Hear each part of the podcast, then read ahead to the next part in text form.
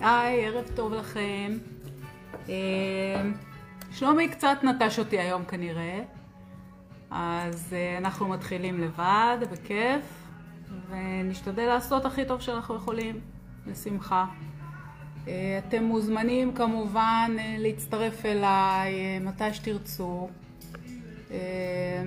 ולעזור לנו לייצר פה לייב טוב.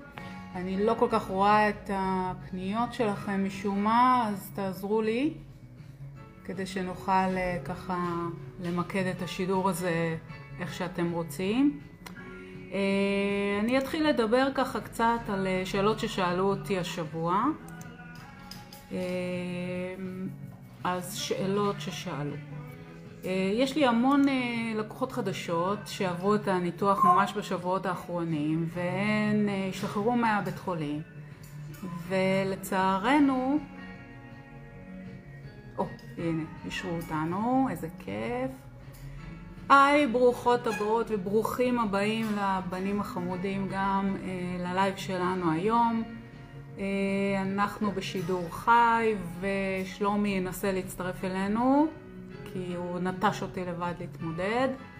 יש לו אורחים אז הוא לא יוכל להצטרף, ואנחנו נעשה את הכי טוב שנעשה, ונעשה חפלה של אה, מיני מעקף מאחורי הגב שלו. אה, אז אני אתחיל ככה עם אה, דברים ששאלו אותי ודברים שחוויתי במשך השבוע וראיתי בקבוצה. נתייחס לצעירות שבחבורה שהתנתחו השבוע. אמ, פנו אליי הרבה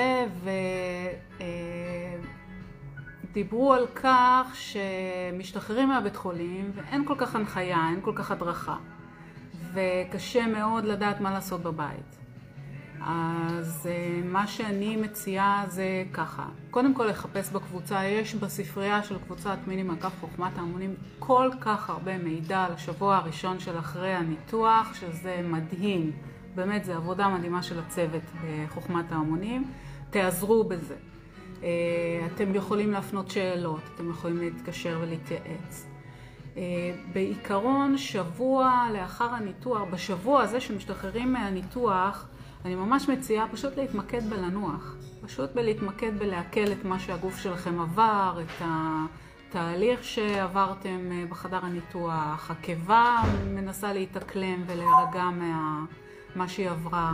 אז זה מאוד חשוב ככה להיות רגועים, לדאוג לסביבה רגועה, לא בלחץ, לא ילדים שיקפצו עליכם, אה, קצת עזרה אם אפשר אפילו אימא, דודה, אחות, סבתא, מי שיש לה.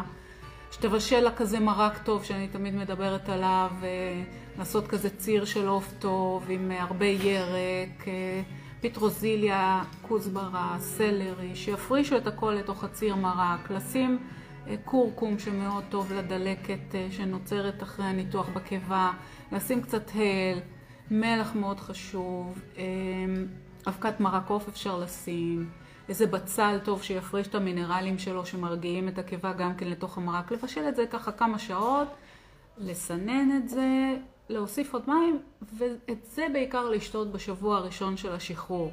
אה, שיהיה לכם הרבה נוזלים. זה כמו משקה איזוטוני כזה, שדואג לקיבה, דואג לגוף, מרגיע את המערכת קצת, לא נותן לה להתמודד עם דברים שמעלים חומציות בקיבה, שזה החשש הכי גדול שלנו.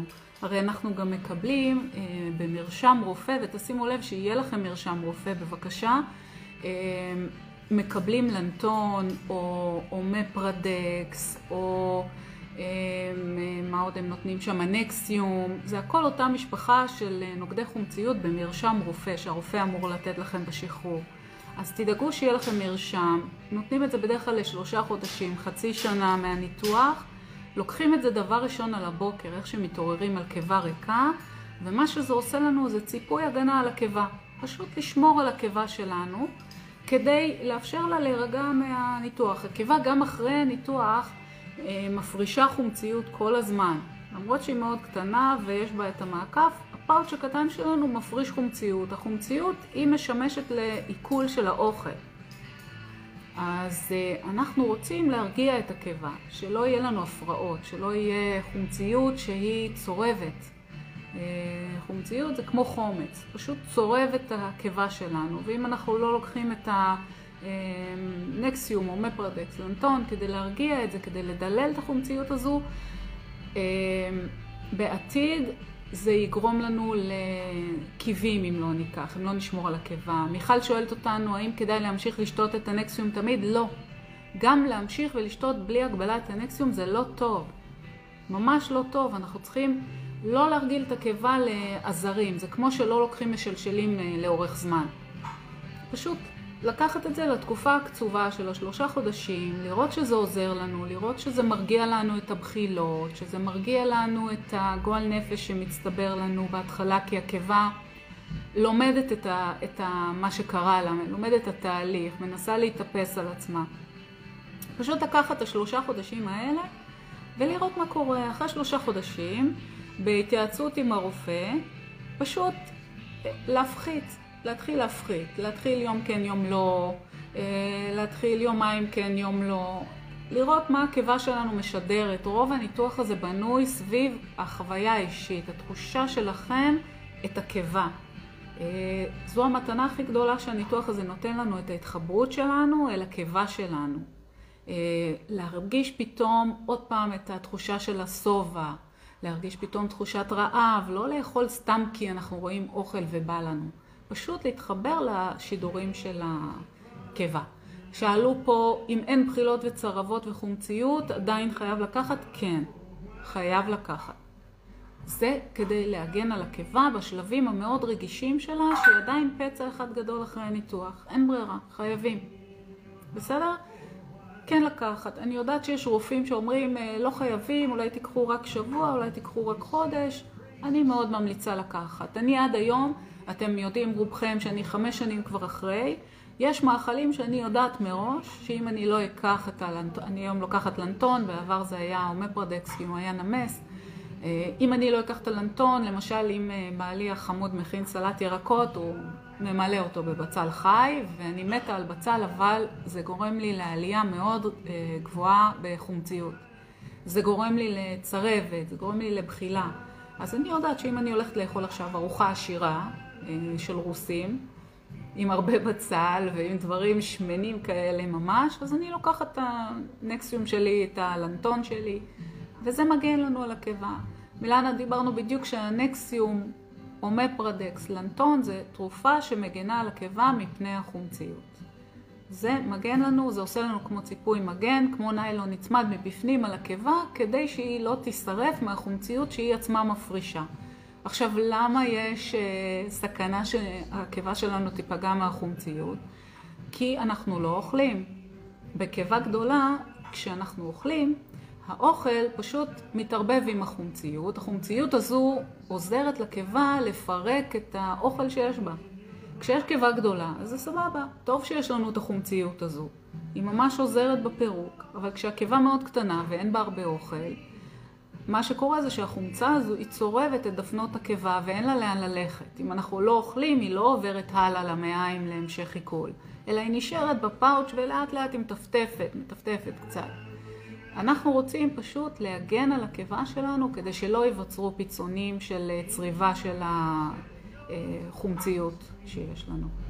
אה, לכן אני כן ממליצה, כן אה, לקחת את הכדורים האלה, וכמובן להקפיד לאכול כל שלוש שעות, אפילו משהו קטן ברמה של ביס שניים, כדי אה, להרגיל את הקיבה שהיא בתהליך של עיכול כל הזמן, כדי גם להעביר טיפה את החומציות הזו הלאה למעיים, שלא תשב לנו בכיס, שלא תייצר לנו אה, פצעים, כמובן לשתות כמו שצריך. גם בשבוע הראשון, מאוד חשוב, תחזיקו לידכם בקבוק. אם קשה לכם לשתות מבקבוק, תשתו עם קש קצר. לא קש ארוך, קש ממש קצר, תיקחו קש ארוך, תחתכו אותו לשניים ותשתו איתו, ככה נדע שנכנס פחות אוויר למערכת. למה חשוב שלא ייכנס אוויר למערכת? ברגע שנכנס אוויר למערכת, אה, הוא כל הזמן רוצה לצאת החוצה, אז הוא דוחף למעלה, אוויר יוצא רק כלפי מעלה. אם יש לנו אה, נוזל או אוכל ויש לנו גם אוויר כלוא בקיבה, זה גורם לנו להקאות. אנחנו מרגישים בחילה, האוויר כל הזמן רוצה לצאת החוצה והוא דוחף את האוכל החוצה. אנחנו מקיאים. אז גם את זה צריך ללמוד אחרי הניתוח, איך לשתות, איך לאכול נכון, לא לאכול ולשתות ביחד בשבועות הראשונים, מאוד חשוב. אני תמיד נותנת עצה לכל המנותחים, לשתות רבע שעה לפני האוכל, במיוחד בהתחלה. לשתות משהו חם, פושר.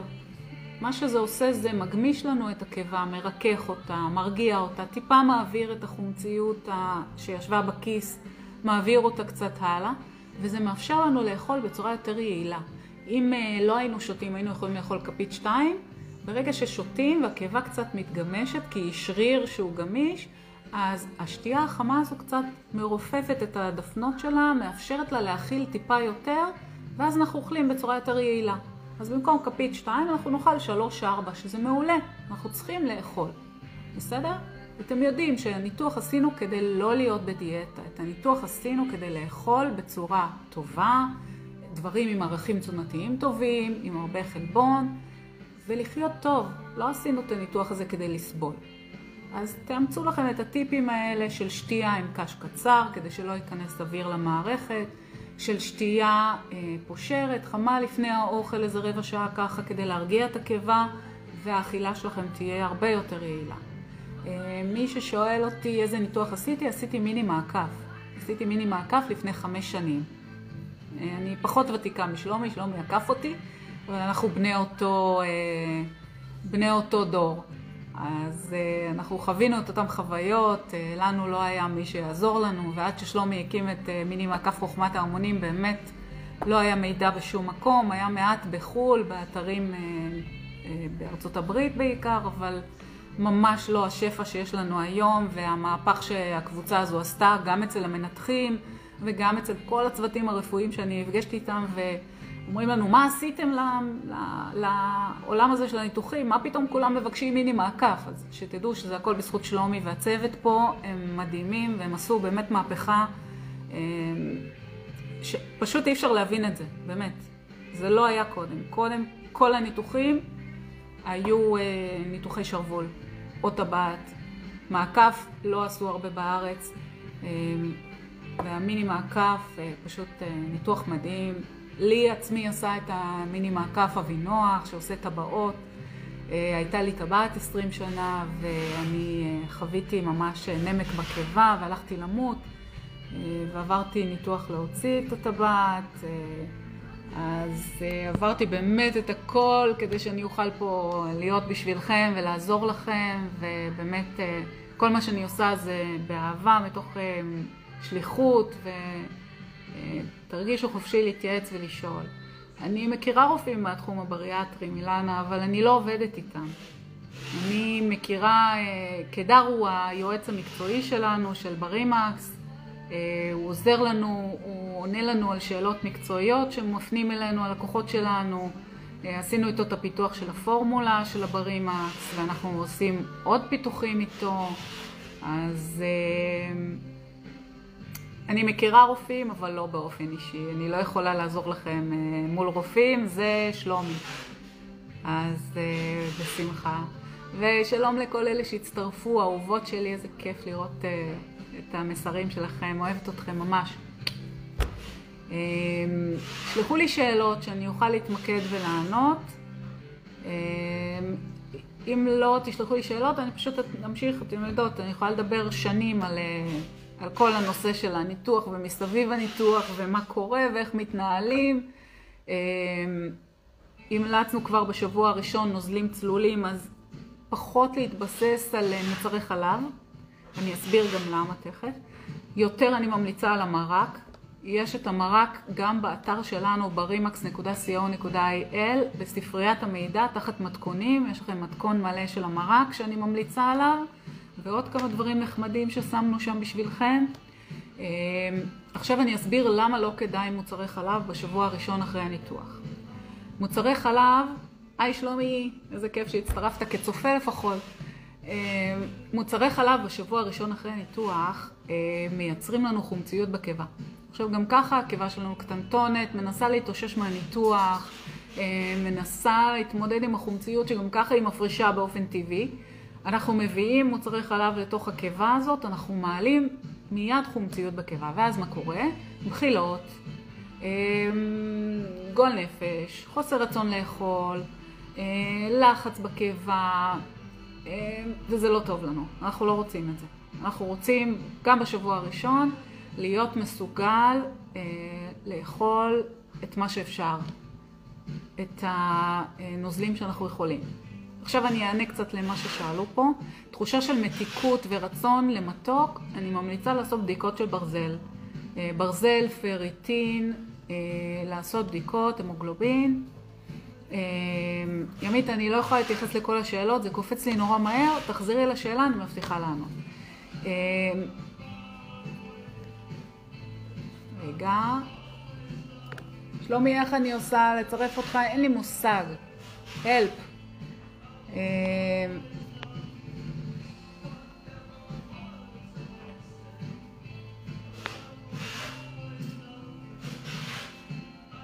טוב, שלומי, אני שלחתי לך בקשה להצטרף, אז uh, תראה אם אתה יכול. Uh, התחלנו להגיד לגבי המתיקות. מתיקות לפעמים uh, מסמלת איזשהו חוסר בברזל, אז כדאי מאוד uh, ככה uh, לעשות בדיקות. בסדר? צרף. איך אני עושה אותך? צרף. סליחה רגע, אני עושה פה ענייני אה, זה.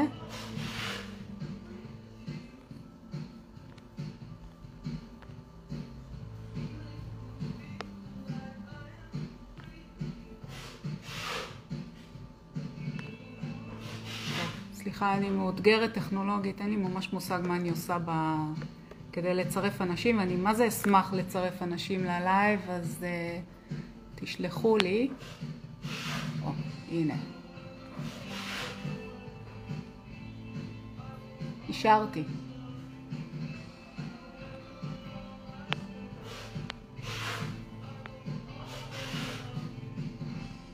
אני מאשרת אותך שלומי, אבל משום מה אתה לא עולה. אה, אוקיי. אני מנסה לראות פה רגע שאלות. אה, לא אוכלים מספיק חלבונים. אין כדורי חלבון, האפשרויות היחידות אה, להוסיף אה, חלבון זה באבקות חלבון, בשייקים. יש אבקות חלבון גם אצלנו במגוון טעמים, אז אתם מוזמנים להתייעץ ככה ולקבל מענה על זה באופן פרטני. לגבי ספיגה, שהעצמות הופכות לחלשות, כן, בגלל שאנחנו יורדים במשקל ואנחנו גם לא אוכלים מספיק, אז העצמות שלנו אכן נחלשות.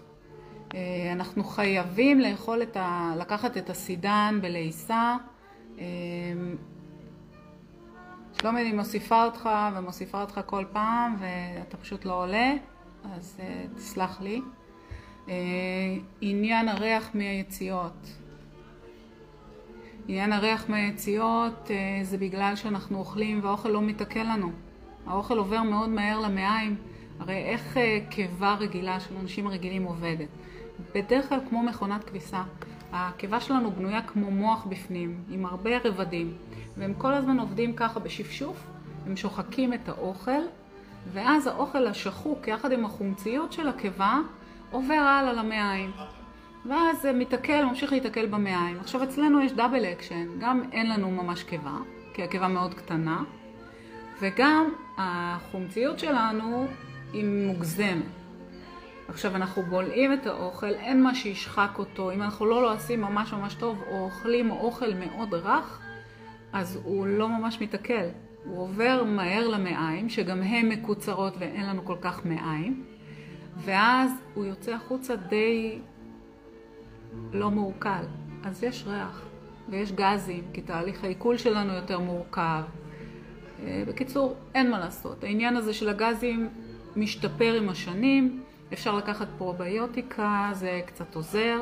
אפשר לקחת אה, כל מיני כדורים, אה, גזיקס וכל מיני כאלה טאמס, יש כל מיני שגם עוזרים נגד החומציות, שאומרים שהם קצת עוזרים. עוד לא פיצחנו את העניין הזה. אני העליתי לכם פוסט בקבוצה בחוכמת ההמונים על הנושא של אה, שירותים וריח, ראיתי שאנשים התייחסו, תקראו אותו, זה כל מיני טיפים איך, אה, להתנהל עם העניין הזה של הריח, אבל אין לנו הרבה פתרונות לצערי. אה, מי שאכלה, מי שעשתה ניתוח לפני שבוע, פשוט לאכול דברים רכים, לאכול מרקים, לא להתחיל לאכול מרקמים קשים, הרי זה כולנו בניסוי וטעייה. הקיבה שלי והקיבה שלכם זה לא אותו דבר, כל אחד מאיתנו הוא יצור אחד, הוא בריאה אחת של אלוהים. כל אחד מתנהל אחרת, יש כאלה שאחרי שבוע אוכלים מוקפץ, ויש כאלה שבקושי המרק עובר להם. אז פשוט לעשות ניסוי וטעייה, לנסות במרקמים רכים, נוזליים, לא למהר, לא למהר באוכל, בסדר? לאט לאט. אפשר ביצה רכה, אפשר אה, מרק בטטה, אפילו לא להגיע לפירה, אלא מרק. אה, מרק עדשים אדומות, עדשים חומות לא טוב כי יש להם מעטפת מאוד קשה, סיבית, שהם לא מתעכלים טוב בקיבה, אז מרק עדשים אדומות. אה, מרק ירקות. באמת להישאר במרקמים הרכים כדי שלא יהיו כאבים. אה, ואם מרגישים שנחנקים, אז באמת לבדוק מה קורה שם. אולי יש לכם איזושהי בצקת, אולי מהקאות יש, אה, מתפתחת בצקת בהשקה. אז להתייעץ עם הרופא, לא לחכות.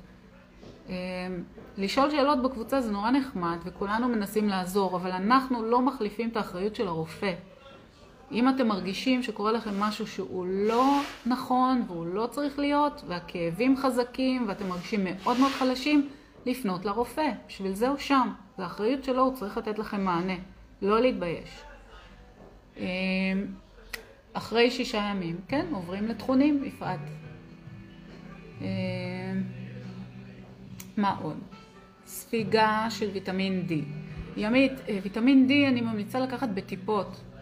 אה, ואם לא נספג, אז לקחת כל יום עשר טיפות של עשר, אה, של, של אלף, בטיפות, לקחת את זה בארוחת בוקר דווקא. ואם אפשר לצאת לשמש בין 12 ל-2 לאיזה רבע שעה, להיחשף, ואז הוויטמין D חייב לעלות. אין דבר כזה שהוא לא עולה. פשוט לקחת בטיפות, וזה מה שמביא אותי גם לעניין של הכדורים. חברים, אתם אחרי ניתוח, לא יכולים לבלוע כדורים של אנשים רגילים. אין מצב, הקיבה שלכם לא יכולה לפרק את זה.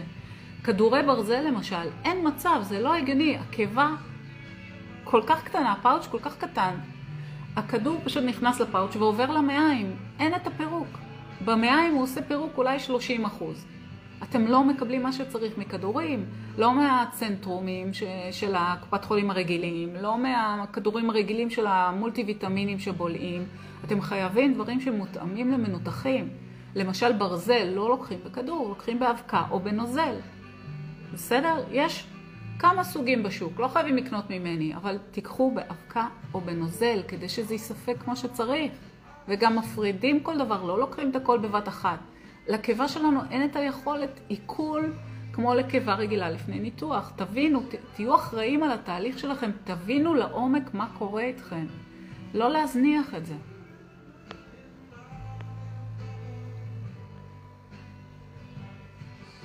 איך אפשר להפחית בכמויות המתוק אחרי ניתוח?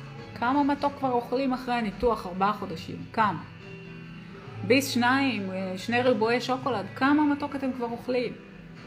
לא להיות בלחץ מזה, יש לנו תת ספיגה, כמובן לא להפריז, לא להגזים, אבל משהו מתוק פעם ביום אפשר. אנחנו לא בעונש. לא בעונש. עשינו את הניתוח לא בשביל להיות בעונש. הכל בסדר. אה,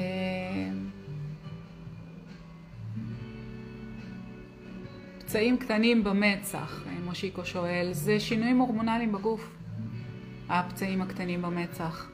אה, הקיבה שלנו היא איבר הורמונלי, הוא מגיב. אז אה, כשיש שינוי, אנחנו כמו בגיל ההתבגרות למעשה, חוזרים אחורה. ואז אה, יוצאים גם לפעמים פצעים במצח, אז מה שאתם יכולים לעשות זה פשוט להשתמש באותם מוצרים של גיל ההתבגרות, או לקחת את המוצר שלנו שאתם מכירים אותו כבר, הבריסקין, ולרסס, פשוט למרוח על המצח, ותוך יום יומיים זה פשוט נעלם. זה מוצר פה למי שעוד לא מכיר, כדאי לכם ממש. הוא עוזר גם ממש עם דחורים ופיסורה, מי שסובל מכאבים, פגז. אמ, בואו נראה. אלה שואלת, האם כדורי הוויטמינים אכן אה, מצליחים לספק את כל הוויטמינים? שחסרים לנו בגלל התת ספיגה. עוד פעם אני חוזרת. אה, כדורים שלא מיועדים למנותחים, כנראה שלא יצליחו לספק לנו את כל הוויטמינים החסרים, כי המינונים בכדורים האלה לא מתאימים למנותחים של מיני מעקף ומעקף בעיקר אני מדברת, אוקיי? בשרוול ובטבעת קצת הניתוח יותר סלחני, הספיגה שלהם יותר טובה, אז הם עוד יכולים איכשהו להסתדר, גם אם הם אה, לוקחים את הכדורים הרגילים. אבל מיני מעקף ומעקף חייבים ממש להקפיד על כדורים שמיועדים למנותחים של תת ספיגה. אחרת הם לא מקבלים כל מה שצריך, ולאורך הזמן מתחילים לצבור חוסרים, מתחילים להרגיש חלש, ולא מבינים מאיפה זה בא. עכשיו, קופות החולים לא נותנות לנו את כל הבדיקות. נותנות לנו B12 במקרה הטוב, נותנים לנו D, נותנים לנו ברזל ופריטין, אם מתעקשים נותנים לנו חומצה פולית, זה לא מכסה את הכל. איפה B6? איפה A? איפה E? איפה ויטמין K שהוא מאוד חשוב לנו אחרי ניתוח, שהוא דואג לנו לדילול הדם, שלא יהיו לנו קרישים? איפה אה, חומצה פולית? איפה אבץ וביוטין, שגם חשובים לנו תהליכים בגוף. אתם מבינים? אין לנו את כל הבדיקות האלה, ואין לנו באמת אינדיקציה מה חסר לנו בגוף. אנחנו רק מרגישים עייפים, חלשים, בלי אנרגיה. אז אני ממש מבקשת. ברוך השם היום יש כמה ויטמינים למנותחים בשוק. לא חייבים לקנות ברימקס, בסדר? אבל תיקחו משהו שמתאים לניתוח. בסדר? שיספק לכם כמו שצריך, שיספק לכם את המינונים בריכוזים הנכונים למנותחים. שלא תישארו עם חוסר. והכי חשוב, להפריד. לא סתם עשינו מחקר, פרופסור קדר ואני, שלוש שנים כדי לפתח את הברימקס. אנחנו בחרנו לא להכניס ברזל וסידן לכדור. ידענו שיהיה לנו קשה להסביר למה, אבל אני התעקשתי על זה כי אני יודעת על הניסיון שלי, שאני הגעתי לאנמיה מכדור שיש בו ברזל וסידן. וש, ויש מחקרים בארצות הברית כבר מתפרסמים, מי שרוצה נשלח לו בכיף. אני אעלה את זה גם לקבוצה אם תרצו. שמדברים כבר, מחקרים שנעשו על מנותחים עם תת ספיגה, מיני מעקף ומעקף, בכל הנושא של ספיגה, של כדורים שיש בהם ברזל וסידן, ורוב הכדורים בארצות הברית שמייצרים, מייצרים אותם הכל, כי האמריקאים עצלנים רוצים הכל בכדור אחד, לכדור אחד ביום ולגמור עם זה.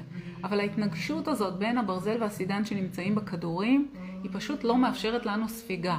יש לנו כמות קולטנים מאוד קטנה ומוקצבת לספיגה של ברזל וסידן בקיבה. ברגע שהם נכנסים ביחד באותו כדור, יחד עם עוד ויטמינים ומינרלים, הם פשוט נוגדים אחד את השני.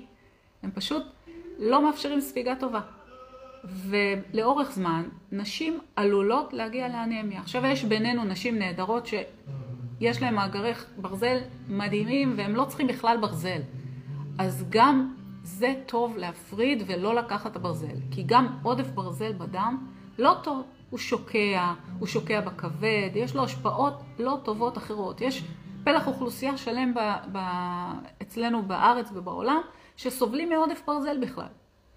שזה גורם להם גם כן לחולשות ועייפות, ועדיף באמת אה, ברזל לקחת לפי הבדיקות דם שלנו. לבקש את הבדיקות דם מלפני הניתוח, לראות מה היה המצב שלנו, אם מחסני הברזל היו גבוהים והברזל עצמו היה גבוה. לא צריך להתחיל מיד על ההתחלה. אפשר לחכות קצת לבדיקות הבאות, אבל אם אנחנו יודעים שמלכתחילה אנחנו סובלים, בעיקר סובלות, לאורך השנים מחוסר של ברזל, להתחיל לקחת, גם לפני הניתוח לתגבר בצורה משמעותית מאוד, וגם אחרי הניתוח לתגבר לאורך כל הזמן הזה באבקה או בנוזל שיספגו לנו טוב בגוף. מאוד מאוד חשוב. נסתכל רגע מה עוד יש לנו, שאלות?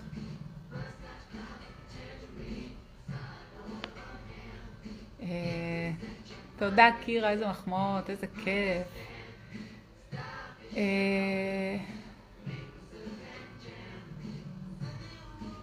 אלטרוקסין לוקחים רגיל, לוקחים בבוקר, עוד לפני הנקסיום. אלטרוקסין זה תרופה לבלוטת התריס. לוקחים אותה על קיבה ריקה, עוד לפני הנקסיום, אומפרדקס והכל. מחכים איזה רבע שעה, עשרים דקות, ואז לוקחים את הנקסיום.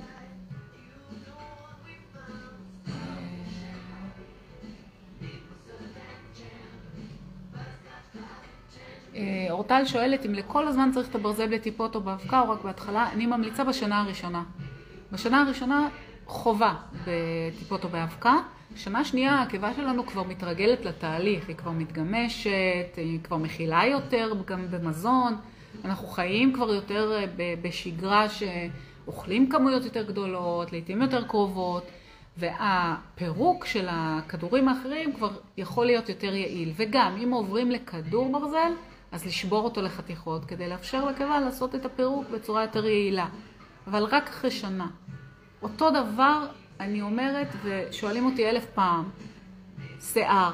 אתם רואים את השיער שלי? אני, היו לי קרחות, פשוט קרחות אחרי הניתוח. בגלל שלקחתי את הכדור הלא נכון, אז נשר לי השיער, וגם בגלל שהייתי עם בלוטת תריס, ולקחתי כדור שיש בו 150 אה, מיליגרם של יוד, שזה מינון כפול עם התרופה של האלטרוקסין. אני הייתי ממש בקנטים. עכשיו, השיער הזה צמח מהברימה, שיש בו אבץ ויש בו ביוטין. חבל על הכסף שלכם לקנות עוד דברים. אני, אין לי בעיה שתפרנסו עוד יצרנים ב- בישראל, זה נהדר ומכובד, אבל בשנה הראשונה כדורים שבולעים בכמוסות לא נמסים בקיבה. אתן לוקחות ואתן חושבות שהכל גדל, אבל זה גדל טבעי, כי בתהליך שלנו, של הניתוח, אמ, אחרי שלושה חודשים, חצי שנה, נושר השיער לכולם, זה כמו אחרי לידה, אין מה לעשות. זה הסטרס שהגוף חווה. הוא לוקח אנרגיה מהקצוות כדי להגן על הקיבה, כדי לייצר תהליך ריפוי מהיר של הקיבה. מה זה קצוות? קצוות זה שיער, זה ציפורניים שנחלשות, זה האור שלנו שנחלש וצריך לטפל בו, לטפח אותו. אז יש נשירה. אבל הנשירה הזו מתחילה להשתפר והשיער מתאושש לקראת שמונה, תשעה חודשים אחרי הניתוח. ואז אלה שלוקחים את הכדורים האלה חושבים שזה מזה. אבל לא, זה לא. צר לי לאכזב אתכם. מי שרוצה לקחת שייקח כמובן, אין לי שום דבר נגד הדברים האלה. אבל אם אתם רוצים לקחת את זה ביעילות, חכו שנה אחרי ותיקחו. כשבאמת הקיבה שלנו יכולה לעכל את הכדורים האלה. חבל סתם.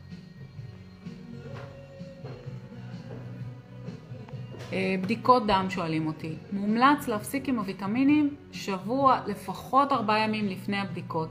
למה? כי יש לנו ויטמינים במולטי ויטמין שמאוד זמינים בדם. הם אה, למשל משפחת ויטמיני B.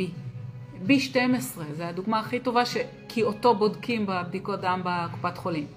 B12 הוא אחראי על כל אה, משק הדם, על ייצור כדוריות דם אדומות. הוא חייב להיות זמין כל הזמן בדם. עכשיו, בברימקס יש אלף, שזה פגז, זה מתאים בדיוק למנותחים. כל הרופאים הרי אומרים לכם להעלות B12, כל הזמן נותנים כדורים כאלה מתחת ללשון של ה-B12. זה וויטמין D טיפות. אז הוא זמין בדם, ואם לא מפסיקים שבוע, ארבעה ימים לפני הבדיקות, אז יוצא שיש B12 גבוה בבדיקות דם, ואז לדעתי מגיע לקדר ולי פרס נובל לרפואה, כי יצרנו מצב ש-B12 עולה בבת אחת תוך שלושה חודשים לאלף. אבל זה לא נכון, זה אשליה. זה פשוט הזמינות שלו בדם. אז אם אתם רוצים תוצאות נכונות, להפסיק את הוויטמינים שבוע, מינימום ארבעה ימים לפני הבדיקות, כדי שהבדיקות יהיו נכונות. בסדר? את הנקסיום לא מפסיקים, נקסיום זה תרופה. ממשיכים איתו כאילו רגיל, בסדר? נקסיום לא מפסיקים, ואת האלטרוקסין לא מפסיקים למי שלוקח תרופות, ותרופות מרשם לא מפסיקים, זה לא קשור לבדיקות הדם. בסדר? רק את הוויטמינים להפסיק שבוע, ארבעה ימים לפני הבדיקות, כדי שהתוצאות יהיו אמיתיות. תודה משיקו חמוד. אה, רון, אני מסכימה איתך שמי שלא מבין את התהליך, ומי שלא עושה את התהליך באופן אה, נכון, ולא קשוב, ולא לומד בקבוצה, אז uh, הניתוח יכול להיכשל. אנחנו יכולים בקלות להרוס כל ניתוח, גם ניתוחי מעקף הורסים וגם מיני מעקף הורסים, אבל איך הורסים? כמו ששלומי אומר, לא מקשיבים לגוף, לא לומדים את התהליך, לא מגיעים מוכנים לניתוח, לא מבינים את הראש שלנו שהמיני מעקף הוא שונה מכל שאר הניתוחים. המיני מעקף הוא בשיטת תאכל תרזה, לא תאכל לא תרזה. ככל שתהיו יותר בצום או בדיאטה אחרי הניתוח, הירידה שלכם תיעצר. אני אומרת לכם את זה, כולם אומרים לכם את זה, ועדיין אני רואה מלא אנשים שמספרים, מה, אני בקושי אוכל? למה אני לא יורד?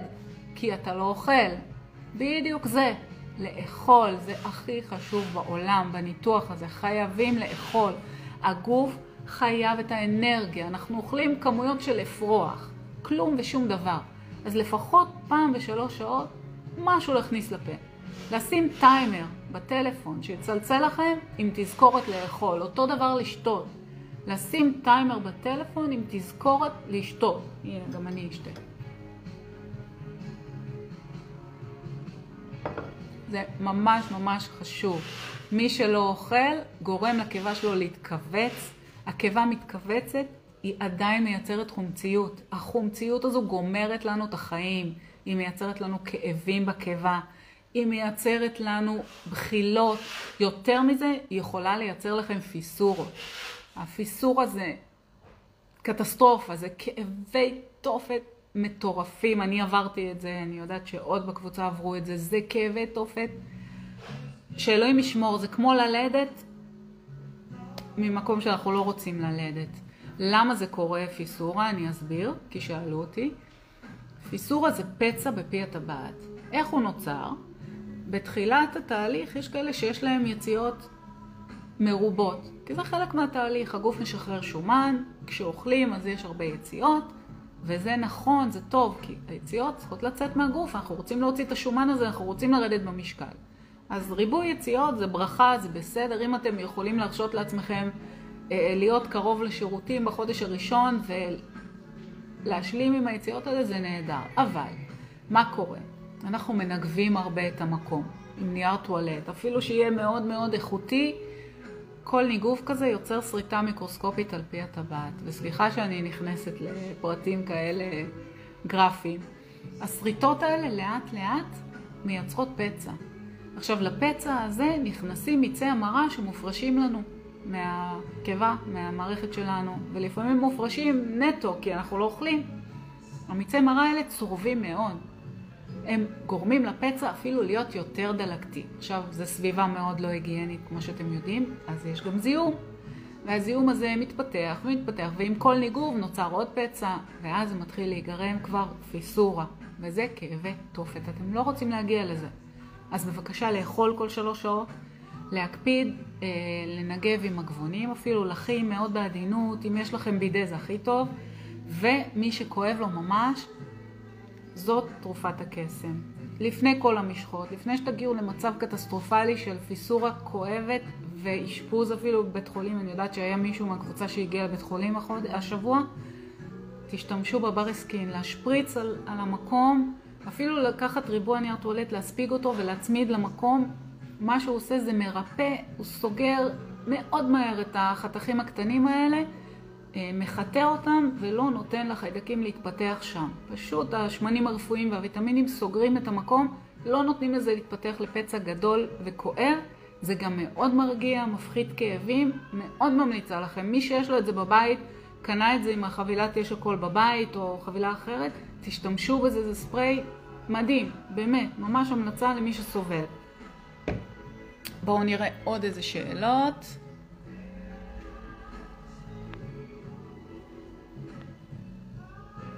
אה, תהליך ההחלמה אחרי הניתוח זה מאוד אינדיבידואלי, כל אחד אה, עובר את זה אחרת. יש אנשים שעוברים את זה נורא קל, ויש אנשים שקשה להם יותר.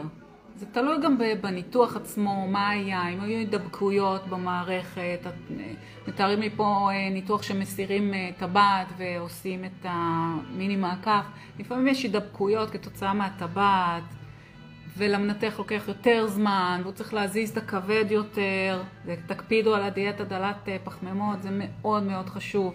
זה מקל על הרופא, זה מקצר את זמן הניתוח, בבקשה תקפידו, זה ממש חשוב. אז ההתאוששות היא מאוד תלוית ניתוח. יש ניתוח של שעתיים, יש ניתוח של 4-5 שעות. אז אה, לא תשובה שאני יכולה לתת אה, בצורה מוחלטת לגבי התאוששות, וגם תלוי איזה הכנה עשית לפני. אם לקחת ויטמינים, אם תגברת את הגוף, אם לקחת ברזל כמו שצריך, מאוד תלוי. שאלה מאוד אישית.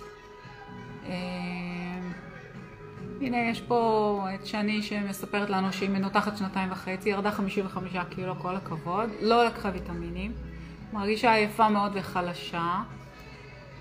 אה, שואלת אותי אם יש זריקות ויטמינים, יש זריקות ויטמינים, אבל רק בפרטי, וזה לא, לא עוזר. את תצטרכי כל חצי שנה, כל כמה חודשים לעשות את הזריקות האלה, מה זה טוב לך? את יכולה לנסות את הברימקס, הוא כדור מאוד מאוד קטן, אפשר לשבור אותו בקלות לחתיכות קטנות, כי חשבנו באמת על הקול המנותחים. הוא נמס מיד בבליעה. תני צ'אנס, תנסי, תדברי איתי, אני אעזור לך. אמ, מה עוד? אה, לישי שואלת מתי עדיף לקחת את הסידן, מתי את הברימקס והברזל. אז לרובכם אני כותבת גם בפרטי. קמים בבוקר לוקחים את הנקסיום או מפרדקס או לנטון. אוכלים. מגיעים לשעתיים אה, אחרי האוכל אפשר לקחת את הסידן. מגיעים לארוחת צהריים. אה, רבע שעה עשרים דקות לפני האוכל אפשר לשתות את הברימקס. אוכלים את ארוחת צהריים. אם שכחתם לקחת את הברימקס, תיקחו אותו אחרי, חצי שעה אחרי. מגיעים לערב, מי שלא לקח את הסידן בבוקר יכול לקחת אותו בביניים, בערב. מי שצריך עוד אה, נקסיום אחד, לקחת אותו לפני ארוחת ערב זה הכי טוב, וככה הוא מווסת את החומציות שנוצרת מהארוחה של הערב. אוקיי? לאכול. לא לאכול וללכת לישון, לחכות לפחות שעה. כי למה? קיבה קטנה, היא לא מתפנה מהר לפעמים, כי אנחנו אוכלים דברים לפעמים שהם כבדים, וזה נשאר טיפה בפאוץ'. ואז אם אנחנו אוכלים והולכים לישון ונשכבים, הקיבה חווה לחץ. האוכל נדחף למעלה, וזה גורם לנו לבחילה, לריפלוקסים. למה? עשינו את הניתוח כדי להימנע מזה. אז בבקשה, לא לאכול וללכת לישון, לחכות לפחות שעה. ולפני השנה לקחת את הברזל. הברזל הוא מינרל מפונק, הוא צריך את הזמן שלו עם הקיבה, שלא יהיה לו התנגשות עם חלב, שלא יהיה לו התנגשות עם הסידן. אז הכי טוב בלילה. הכי טוב. ואמרנו, ברזל בשנה הראשונה, באבקה או בנוזל.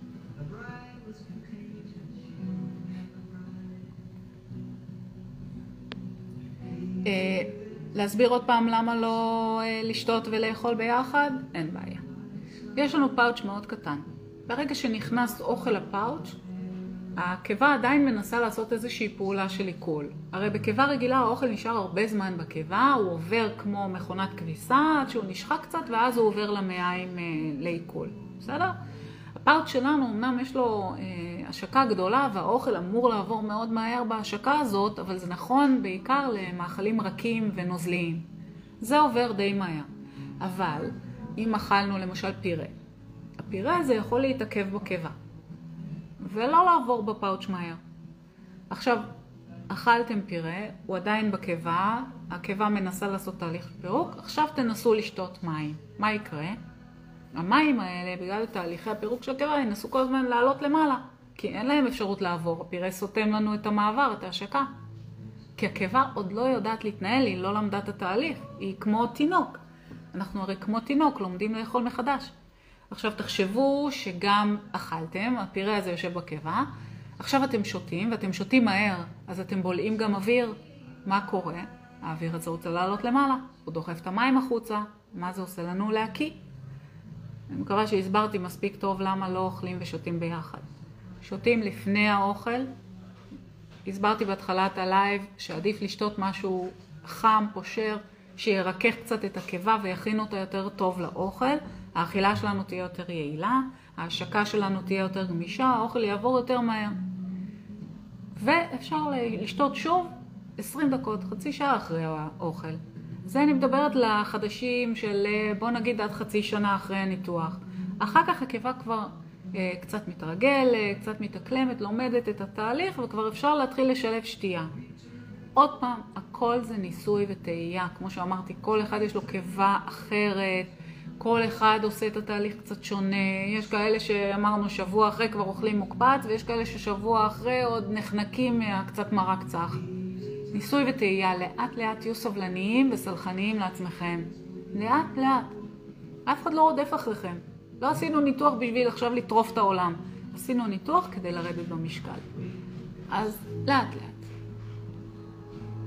כן, יוסף, אנחנו מדברים על הברימקס הרגיל.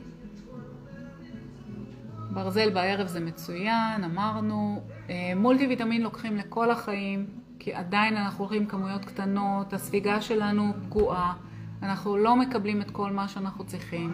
ברזל, אחרי תקופה, כשאנחנו מתאזנים, במיוחד אם אנחנו גברים, או נשים בגילי שכבר uh, סיימו עם הבאסה החודשית, אז אני למשל כבר לא לוקחת ברזל. ואני סידן מוסיפה ומתאספת מהאוכל בעיקר. כי גם הספיגה של סידן בגיל מסוים היא כבר פחות איכותית. אז צריך לקחת את זה גם בחשבון.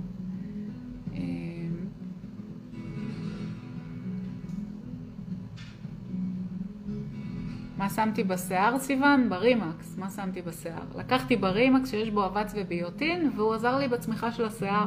זה הקטע. מיכל שואלת כמה טיפות של אה, ויטמין D לוקחים אחרי שנה. אם לא חסר לך, את לא צריכה לקחת, כי יש לך בברימקס. יש לך בברימקס 2,000, זה הכי הרבה שיש בכדור בישראל, אין לאף אחד את המינון הזה, רק לנו. את עושה בדיקות שוטפות, את רואה מה מצב הוויטמין D. אם הוויטמין D תקין, לא מוסיפים טיפות. אם הוויטמין D נמוך, אז מוסיפים טיפות. אפשר להוסיף עשר טיפות פעם בשבוע, וזה מספק את כל התגבור שצריך.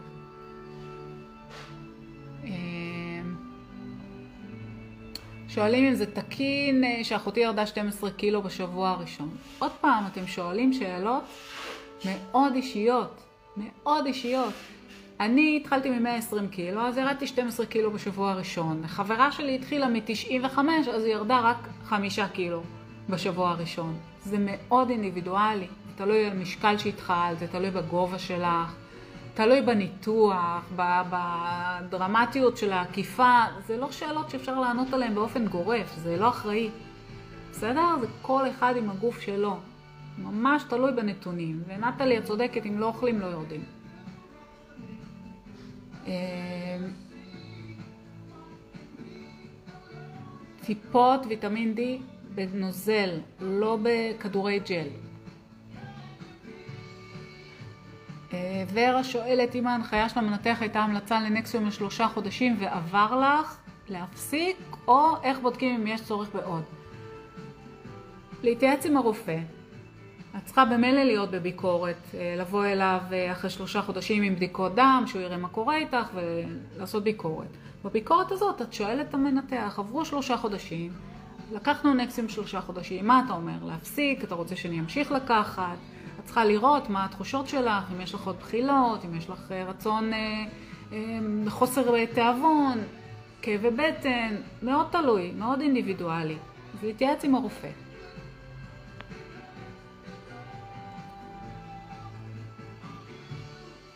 בבית חולים רושמים שצריך לאכול לפי תפריט, אבל אנחנו הבנו כבר שזה ניסוי וטעייה. זה נכון להיצמד לתפריט, לעשות את השבוע הראשון נוזלי, שבוע שני אה, נוזלים יותר מוצקים, שבוע שלישי טחונים ומורכבים. זה נכון, אבל אם את מרגישה שאת יכולה להתקדם טיפה יותר מהר והגוף שלך מסכים לזה ועושים את הכל מאוד בזהירות, לאט ומעט. זה תמיד אני אומרת לכולם, לאט ומעט. תעברו לצלוחיות קטנות. אני אכלתי בצלוחיות קינוח בחודשים הראשונים עם כפית. וככה שלטתי גם על הקצב של האוכל וגם על הכמויות של האוכל. אף אחד לא רדף אחריי. לא הרגשתי שאני צריכה לדפוק שווארמה בחודש הראשון. עשיתי את התהליך מאוד בזהירות ובהתייחסות מאוד מכבדת לגוף שלי ולמה שהוא עבר בניתוח. אז אל תמהרו. בסדר? אני יודעת שזה מפתה, אני יודעת שיש לנו בקבוצה אנשים שאוכלים הכל מהכל והם עפים על עצמם והם יורדים במשקל וזה מדהים, אבל לא לכל אחד זה מתאים. אז בזהירות, בהתייחסות לעצמכם, בסדר? תשמרו על עצמכם, לא למהר. אה, על צום לא בא בחשבון. שנה ראשונה לא בא בחשבון לצום, ממש לא מומלץ. ממש לא מומלץ. הנה, כמו שנטלי מתארת, שאם היא לא אוכלת עם, עם רעידות בכל הגוף, אנחנו נהיים עצבניים. אם אני לא אוכלת, אני יכולה לאכול את בעלי. אם הוא בא לשאול אותי שאלה, אני יכולה להרוג אותו במקום. באמת, אני מודה ומבקשת סליחה. אבל אם אני לא אוכלת כמה שעות, ואני עכשיו באה לאכול, ובאים ושואלים אותי שאלות, אני יכולה לגמור את מי שמסביבי. באמת, וזו תופעה של הניתוח. כי אנחנו חייבים לאכול. חייבים, זה, זה א' ב' של הגוף שלנו, אנחנו חייבים את זה. כל שלוש שעות, אפילו אם זה שקד קטן, אפילו אם זה חתיכה של אה, גוז מלך ו- וחתיכת בננה, משהו, חייבים להכניס לפה, לא להשאיר את הקיבה שלנו ריקה, ולשתות, לשתות, לשתות. הנה, קירה לימדה אותי לשתות בלייבים, כי אחרת אני מגיעה לסוף הלייב בלי קול. אז תראו, יש לי גם קפה וגם שתייה, ואני ממש מקווה שאני אצליח לשתות את שני אלה במהלך הלייב, אחרת זה לא יהיה טוב. טוב, בואו נראה מה עוד. כל לילה דפיקות לב מועצות, שני, תבדקי מה את אוכלת לפני השנה, אולי את אוכלת מתוק, אולי את לא אוכלת והקיבה שלך ריקה, אז צריך לשתות איזה משהו ככה שהוא טיפה יותר מוצק עם אה, יוגורט. אה, עכשיו הקיבה שלנו, תשימי לב, תשימו לב שהיא עוברת תהליך של התבגרות, אנחנו כמו תינוקות שנולדו, גם הקיבה שלנו היא עוברת תהליך של התבגרות, אז כמו שהתינוק שלנו בהתחלה הוא יונק חלב נטו, ממש חלב דליל, חלב אם, ואחר כך לאט לאט אנחנו נותנים לו אה, פורמולה או דייסות שאנחנו עושים לו עם אורז או עם סולת או עם קורנפלור בהתחלה כדי להסמיך קצת. שימו לב, זה אותו תהליך כמו אחרי הניתוח. אנחנו עוברים מרקמים ממש כמו תינוקות. אחרי שלושה שבועות עוברים למרקמים של אה, ירקות אה, מעוכים ודלילים, פירה, קישואים. זה ממש אותו דבר. אז גם אנחנו כמו תינוק, לפעמים יש לנו תיאבון רב ויש ימים שאנחנו אוכלים יותר, ויש ימים שאנחנו אוכלים ממש מעט, כי אין תיאבון, אבל אנחנו חייבים לחנך את הקיבה שלנו, כמו שאימא טובה דואגת שהילד שלה יאכל כל כמה שעות, שלא יישאר בלי מזון, אז לדאוג שאנחנו, המנותחים, נשאר עם אוכל. תמיד שיהיה לנו משהו לאכול. כי אחרת הקיבה מתכווצת, היא מייצרת חומציות כל הזמן, זה מייצר לנו בחילות, זה מייצר לנו כאבי בטן ועצבנות, וחבל, זה לא צריך להיות ככה. שימו טיימר בטלפון שלכם, שיצלצל לכם כל שלוש שעות, זה יזכיר לכם לאכול ולשתות. ממש חשוב. קחו אחריות על התהליך שלכם, תהיו אחראים לתהליך. אל תצפו שמישהו אחר יעשה את זה בשבילכם. הסביבה שלכם יכולה לדאוג לכם, יכולה להעיר לכם, יכולה להגיד לכם, אבל זה מעצבן. זה לא צריך להיות ככה. אתם צריכים להיות אחראים לתהליך שלכם.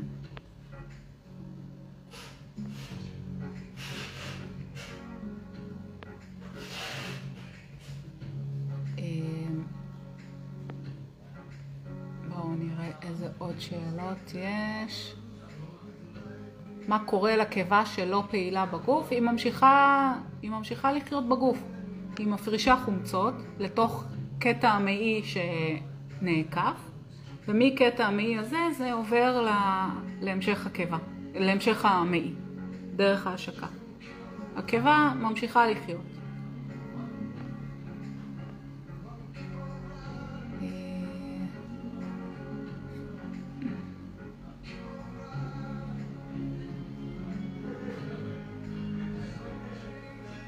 סדר לקיחת הוויטמינים מעיין, אני מקווה שעניתי לך. צריך להפריד בין הכל לפחות שלוש שעות. או, שאלה על סיגריות, תקשיבו.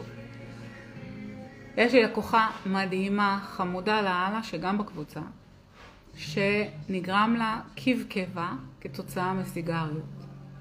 המנתח תמיד מבקש להפסיק לעשן לפני הניתוח וגם אחרי הניתוח. למה? הניקוטין שבסיגריות יכול לגרום לנמק בקיבה. הוא יכול לפגוע לנו בהשקה, הוא יכול לפגוע באזור שיש את הסיכות, שתופרים את הקיבה מסביב ובהשקה. הניקוטין הזה חוסם את כלי הדם, הוא חוסם את תאי הדם שלנו, את התאים בכלל של הקיבה ושל המערכת.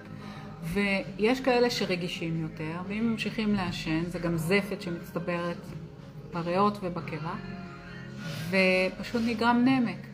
נמק זה גם קיב, זה דלקת, זה כאבי תופת, זה יכול להביא אתכם לאשפוז. אז בבקשה, תנסו להיגמל מהסיגריות לפני הניתוח ואחרי הניתוח. הרי גם ככה יש גועל נפש ויש בחילה. תמנפו את זה, תפסיקו לעשן. תיזהרו על הקיבה שלכם, המערכת מאוד רגישה. תפיקו לקחים מניסיון של אחרים שסבלו, לא כדאי, לא כיף. היא עכשיו על אה, אה, הרבה מאוד אנטיביוטיקה. מאוד לא כיף בקיבה מנותחת, מאוד לא כיף. כדורים נגד כאבים לגב אפשר לקחת, אבל לשבור אותם ולקחת פרוביוטיקה ביחד, כדי לא לגרום לגירוי בקיבה. אה, מה עוד? אה, שואלים מתי להתחיל את הברימקס, אפשר להתחיל ברימקס שבוע אחרי הניתוח, כמובן כדאי להתחיל חודש-חודשיים לפני הניתוח כדי למלא מעגלים בגוף ולהגיע כמו אריות, ניתן דלק מתודלק לניתוח. ההחלמה יותר טובה. אה, ומתחילים לקחת אותו שבוע אחרי הניתוח בלי בעיה, הוא חוסך את כל הכדורי לעיסה המתוקים ואלה שמדווחים לי שנורא מתקשים איתם עם הטעמים, כי באמת הטעמים שלנו ממש מתחדדים אחרי הניתוח והכדורי לעיסה האלה מכבידים באמת. אז שבוע אחרי הניתוח אפשר לקחת את הברימקס, הוא מאוד רך, אפשר לשבור אותו ממש בקלות ביד לחתיכות בלי להתאמץ ולבלוע. הפיתוח המיוחד שלו זה שהוא נמס מיד בבליעה. אז הוא נותן לקיבה ספיגה פגז מעלה ערכים בצורה בלתי רגילה ומאוד ידידותי למשתמש. אה, שאלו אם מותר דניאלה בימים הראשונים, מותר אבל לא כדאי. היא מתוקה, היא יכולה לעשות dumping, היא מרקם מאוד סמיך, היא מלאה בחומרים מוספים, למה? עדיף יוגורט, שלושה אחוז ומעלה. אפשר לערבב ביוגורט הזה קצת מחית של פרי, תפוחי עץ או מישמיש או מה שאתם אוהבים מגרבר כאלה ולעשות לכם מעדנים טובים שפחות מגרים את הקיבה. בכלל דיברנו על מעדני חלב בשבועות הראשונים, פחות מומלץ לנו. אה, אבי, יש כדורים שהם, אה, אני לא זוכרת בדיוק את המינוח שלהם, שאסור לקחת אותם אחרי הניתוח, כי הם מגרים מאוד את הקיבה. אה, יש את זה בקבוצה, אני חושבת שכתבו את זה, אני לא זוכרת את המינוח כרגע, אני ממש מתנצלת, לא יודעת לענות לך, אבל מותר לקחת אה, אופטלגין, אקמול, אה, דקסמול, שהם באבקה, שאפשר לשבור לחתיכות, אלה כדורים שאפשר. אני יודעת שנקסין אסור, שיש בו אה, SRS נדמה לי, כדורים שיש בהם SRS, הם מגרים את הקיבה ואסור לקחת אותם בשבועות הראשונים אחרי הניתוח.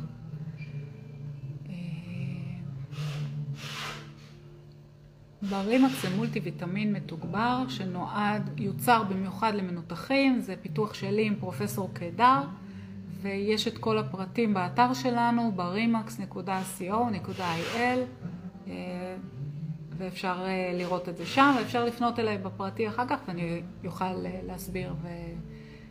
על הכל. סיוון, כמובן שאפשר לקחת את ברימקס עם האוכל. צריך לקחת את ברימקס בסביבות אוכל, או לפני האוכל או אחרי האוכל. זה הזמן הכי טוב לקחת אותו. סידן מתחילים שלושה שבועות אחרי הניתוח בלעיסה בלבד. לא לקחת כדורי בליעה. אתם יודעים מה קורה לכדור סידן שהוא נכנס לקיבה? אחרי ניתוח, קיבה שהיא מלאה בחומציות. זה כמו לזרוק מנטוס לקולה. לא יודעת אם אתם מכירים את הניסוי הזה, שזורקים מנטוס לתוך בקבוק קולה עם אה, גזים וזה תוסס הכל ככה יוצא החוצה. זה מה שקורה בקיבה שלנו כשבולעים כדור סידן. הקיבה שלנו לא יכולה לפרק את זה. חומציות יחד עם הבסיס של הסידן זה יוצר ריאקציה, פגז, כאבי בטן, בחילות, מה שאתם רוצים. אל תעשו את זה לעצמכם. סידן, אך ורק בלעיסה, בזהירות, לאט לאט. מי שמפחד מדמפינג, אל תאכלו דברים מתוקים. לא חייבים, אף אחד לא רודף אחריכם. או שתאכלו את זה ממש לאט לאט ובזהירות ותראו איזה תגובה יש לזה. לא, לא צריך למהר עם שום דבר. לנסות, פשוט לנסות, לא לפחד. תיקחו את זה כשאתם נמצאים בסביבה מוגנת, בבית, שאתם יכולים לשבת על הספה ברוגע, שיהיה לידכם קצת מלח, קצת לימון, מי שמפחד מהדמפינג. אם אתם מרגישים סחרחורת, קצת חולשה, עייפות פתאום שנופלת עליכם, קצת מלח על הלשון, קצת לימון, אפשר לצאת מזה. אבל תיקחו לאט ומעט, זאת הסיסמה. לאט ומעט. אה, בואו נראה איזה עוד שאלות יש לנו. אה, שואלים אותי פה לגבי תרופות. כדורים שלוקחים לבעיה רפואית הם בדרך כלל כדורים שהם מיוצרים בצורה שנמסים בקיבה, כמו הברימקס. הם בדרך כלל ללא ציפוי ובדרך כלל הפירוק שלהם מאוד מהיר. וגם אם נותנים לכם כדורים, תבדקו עם הרופא שהוא יודע שעברתם ניתוח מיני מעקף עם תת ספיגה, שאין לכם כמעט קיבה, שאתם צריכים פירוק מאוד מהיר, כי יש היום כדורים עם פירוק מושהה, שזה לא טוב לנו, ויש כדורים עם פירוק מיידי, שזה מה שאנחנו צריכים. אז תיקחו אחריות על הניתוח שלכם, על התהליך שלכם, תזכרו כשאתם הולכים לרופא.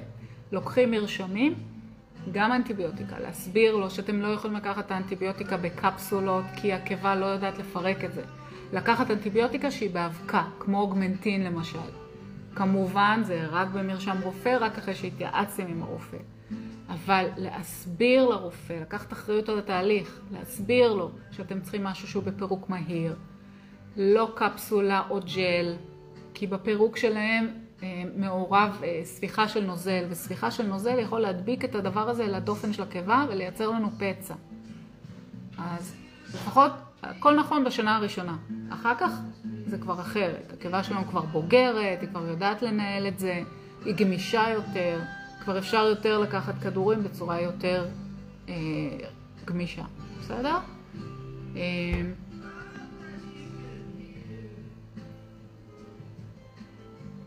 רות, אני עניתי המון על הברזל. אמרתי שברזל לוקחים לפי בדיקות הדם. אם לא חסר ברזל, אז לא לוקחים. לא צריך לקחת. לחכות לבדיקות דם של השלושה חודשים, לראות מה קורה שם מבחינת ברזל ופריטין. אם יש חוסר, להתחיל. אם אין חוסר, אין צורך סתם להכניס לגוף ולהכביד על הקיבה. גם ככה הקיבה של הבן שלך עכשיו מאוד קטנה. היא מתמודדת עם המון דברים. להכניס לה עוד רכיב סתם שהוא לא צריך, שהגוף שלו לא באמת זקוק לו עכשיו, הוא לא מקבל מחזורים, תודה לאל, ברוך השם. אז בלי לחץ, בלי לחץ, לעקוב אחרי בדיקות דם, אני נמצאת בשבילכם, לשלוח לי את הבדיקות דם, אני מלווה אתכם בתהליך, אל תדאגי.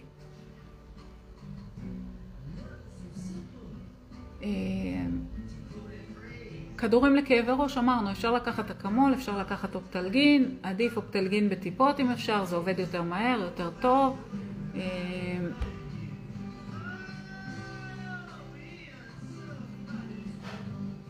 מה קורה עם אלכוהול? בגלל שהקיבה שלנו מאוד קטנה, אז היא מגיבה יותר מהר לאלכוהול, אז uh, משתכרים הרבה יותר מהר. אני, לצערי, לא יודעת ליהנות מאלכוהול, אז אני לא הבן אדם הנכון לענות, אולי שלומי בלייב שהוא יהיה יוכל לענות יותר טוב.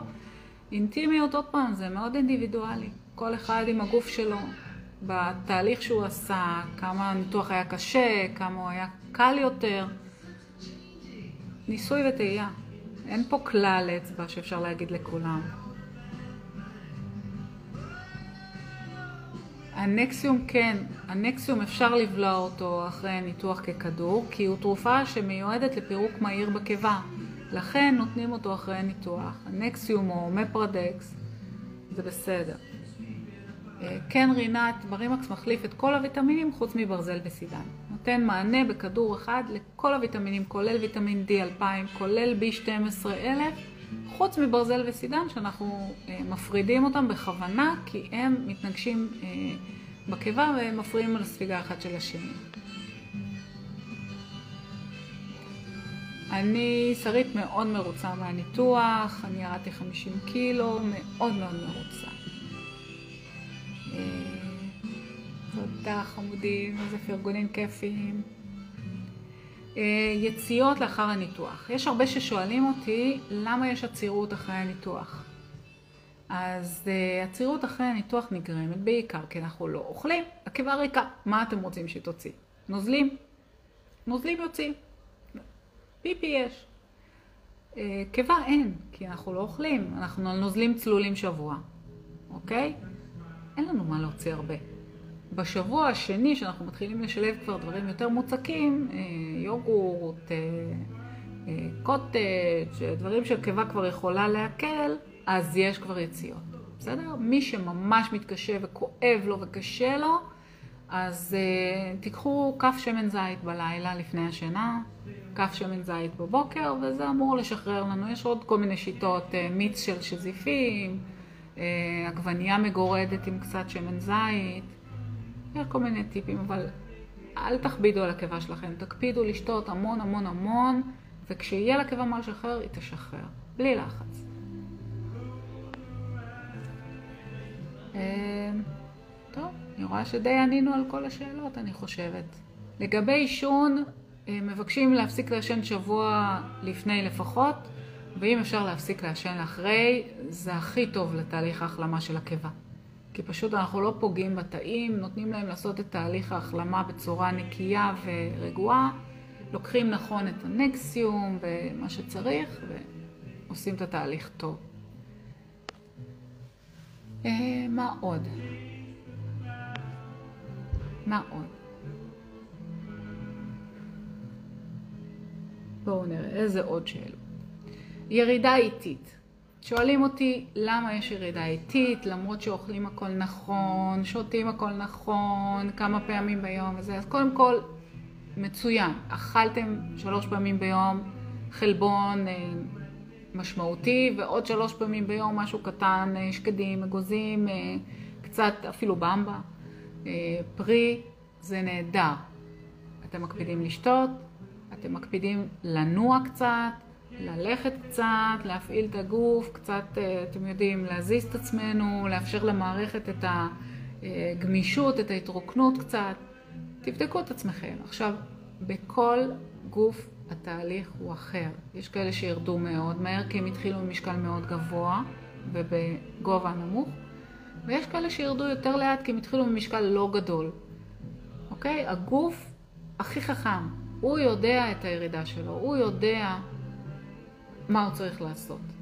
אז תהיו סלחניים עם עצמכם, תזרמו עם זה. אם, אם הירידה נעצרה, יש לזה סיבה. כי הגוף כנראה הגיע לסף הירידה שלו. הוא צריך לעשות תהליך של איפוס, ואז יתחיל עוד פעם ירידה. אצלי, באופן אישי, תהליך הירידה נמשך שנה וחצי, אפילו יותר. שכל פעם היה יורד עוד קילו, עוד חצי קילו. ממש להיות סבלניים, לא להיות בלחץ. עשיתם תהליך כל כך יפה, תהיו סבלניים עם עצמכם, בסדר? בעיקר תקפידו לאכול חלבון, מאוד מאוד חשוב. ומי שלא מצליח לאכול את זה בקשוח, תעשו שייקים. תשתו את המשקאות חלבון, תאכלו את היוגורטים, תעשו מוסים, אה, אה, כבד קצוץ, פתה כבד, מה שאתם אוהבים, העיקר שייכנס לכם חלבון לגוף. אה, שיראל, אני עשיתי מיני אחרי טבעת. אחרי שהיה לי 20 שנה טבעת עם נמק מאוד קשה, אחרי שהיה לי אבן בדרכי המרה ואשפזו אותי עם דלקת מאוד קשה בלבלב וצהבת. אני עברתי מי שרוצה את הסיפור חיים שלי, זה נמצא באתר שלי, בברימקס co.il, תחת, uh, בבלוג שלי, אתם יכולים לקרוא הכל ולראות הכל עליי. Uh, בואו נראה איזה עוד שאלות. נשירת שיער דיברנו, אמרנו שלכולם יש נשירת שיער, המחזור הטבעי של הגוף, גם מי שלא עבר ניתוח. כל שלושה, שישה חודשים יש נשירה שהיא מסיבית יותר, ואחר כך יש שקט תעשייתי. עכשיו אם עברנו ניתוח, עברנו משהו שהוא טראומטי לגוף. פגענו בגוף, עכשיו הגוף צריך להפנות את כל האנרגיה כדי לרפא את האיבר הפגוע, שזה הקיבה. אז הגוף פשוט לוקח מהקצוות, שזה השיער, זה הציפורניים, זה האור, הוא לוקח את האנרגיה ומפנה אותה להתאוששות של הקיבה. אז באופן טבעי יש נשירה, אין מה לעשות. פשוט מה שאנחנו יכולים לעשות זה לאכול אוכל טוב, עם הרבה חלבון, שהוא מקור האנרגיה העיקרי של הגוף שלנו, זה מה שהגוף צריך, לשתות כמו שצריך, לא להכביד על הגוף באלף תוספים מיותרים, להשתדל לצמצם, לקחת באמת מה שצריך, ולהיות צלחניים ולחכות. התהליך הזה ייגמר, השיער יחזור, הוא יחזור, אל תדאגו. ואם אחרי שנה הוא לא חזר, אז אתם כבר יכולים לקחת את התוספים האלה בבליעה המייבן, ה-HSN, ה-HR, ואז הם אולי יעזרו. מה שהם עושים זה הם מאיצים צמיחה, הם לא מונעים נשירה. אז בשלב הזה של השנה הראשונה אין כל כך מה לעשות עם זה. תנו לגוף להשלים את התהליך שלו ואז תיתנו לו תגבורים. אה, מה עושים שלא מצליחים לשתות יותר משתי כוסות מים? דווקא אה, נתתי טיפים על שתייה. אז דבר ראשון, לשתות עם קש קצר שלא יעלה אוויר בשתייה. לשים לידכם כוס עם קש קצר, לשתות כל פעם לגימות. מה שלי עבד זה לספור את הלגימות. אה, אני הייתי מתחילה בלגימה אחת, וזהו, לא הייתי מסוגלת יותר, ובפעם הבאה הייתי מנסה לגימה וחצי, ובפעם אחרי הייתי מנסה שתי לגימות. היום אני יודעת שאני מגיעה לשבע לגימות מים מבקבוק, וזהו, אני לא יכולה יותר. אני עומד לי פה. אז אני לא מגזימה, אני לא לוחצת על הקיבה שלי, אבל אני מנסה חצי שעה אחרי זה לשתות עוד שבע לגימות. אין, אה, אין פה אה, פרוטוקול מסודר לאיך שותים יותר. פשוט לשים לידך את המים, שזה יהיה בזמינות כל הזמן, וכל פעם לשתות ולספור את הלגימות. לאט לאט להרגיל את הקיבה, שכל פעם את מוסיפה עוד קצת. ואז לאט לאט עולים בכמויות. יש לנו אה, אנשים שברי מזל שהם שותים כמו גמלים גם אחרי הניתוח, אני מתה מקינה, אני אף פעם לא הייתי שתנית מצטיינת, אבל אלה הטיפים. עכשיו, לשתות, מי שלא מצליח לשתות מים, תשלבו במים לימון, תעשו לכם לימוננה, אתם יכולים אה, לטחון את זה בבלנדר עם קרח וקצת לימון וקצת נאנה. זה מרווה, זה משפר את השתייה שלנו.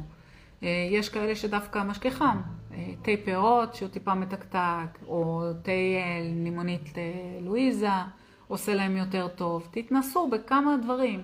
אל תמהרו למים בטעמים שיש בהם קלוריות, למרות שאין בזה פסול. מי שזה עובד לו, אז פגז, מעולה, תעשו את זה. כל דבר שהוא אה, עובר לכם בשתייה, מבורך. גם מרק זה שתייה דרך אגב. זה נוזל וזה שתייה, עופו על זה אם זה עובד לכם. בואו נראה מה עוד יש. אה, שאלות פרטניות על תרופות, תעשו לי טובה, תשאלו את הרופא שלכם. כי בתרופות אני לא יכולה כל כך לענות. אני יכולה לענות לכם על תוספים, כי חקרתי את זה לפני ולפנים והכל. על תרופות צריך להתייעץ עם הרופא. אין דבר כזה שיש כדור בשחרור משה שאין אותו במינונים קטנים יותר בכדור שהוא לא שחרור משה. בסדר? אז להתייעץ עם הרופא. אמ, שאלו אותי איזה הרגלי אכילה כדאי לסגל עוד לפני הניתוח, אז ההרגלים הכי חשובים זה לאכול מאוד לאט, לאכול בכפית כדי להתרגל לאכול כמויות קטנות יותר, אה, לאכול בשקט, לא לאכול כשילדים מפריעים לכם, לא לאכול כששואלים אתכם שאלות, לא לאכול כשאתם עושים עוד איזה משהו ביחד.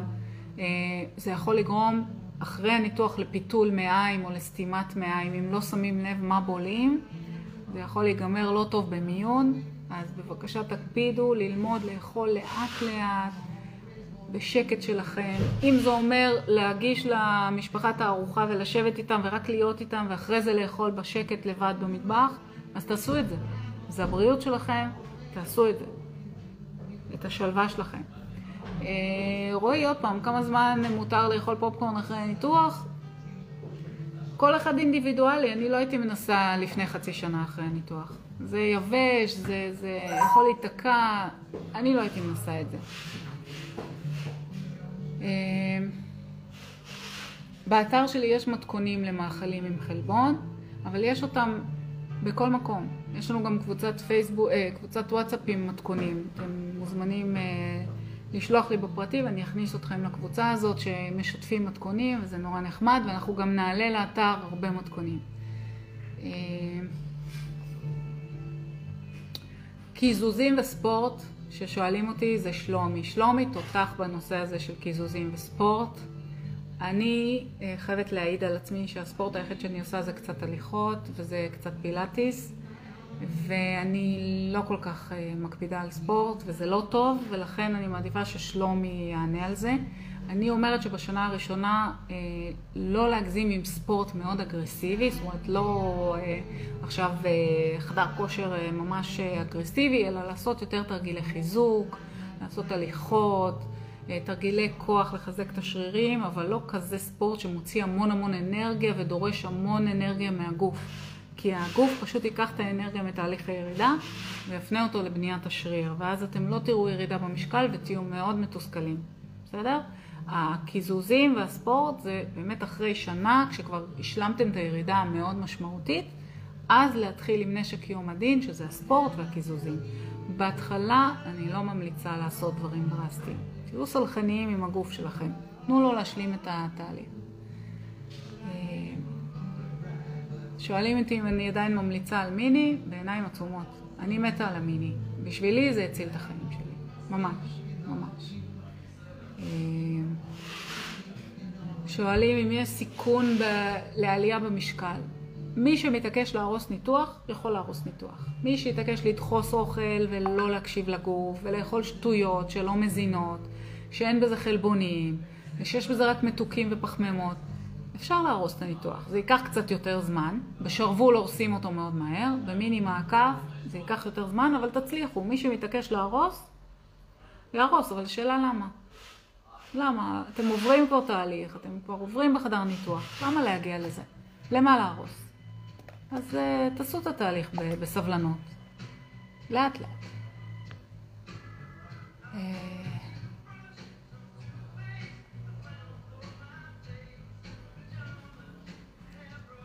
יום הרביעי של הניתוח ריסק תפוח אדמה במרק. עוד פעם, ניסוי הטעייה, אם עבר ואין לך כאב בטן והכל בסדר, יכול להיות שלך זה טוב. להגיד לך שזה טוב מאוד? לא. כי הקיבה שלך היא עדיין פצע, היא עדיין בתהליך של החלמה. אה, התפוח אדמה הזה מצריך מהקיבה עכשיו להתאפס על עצמה, במקום להחלים, להפנות את כל המשאבים כדי לפרק את התפוח אדמה הזה שהכנסת במרק, שהיית אמורה לקחת עכשיו מרק צלול, רק ציר מרק. אז לעבור זה עבר, יכול להיות שלא יהיו לך כאבי בטן, אבל את גזלת אנרגיה מהקיבה לעיכול שהיא לא צריכה עכשיו להתמודד איתו. פשוט.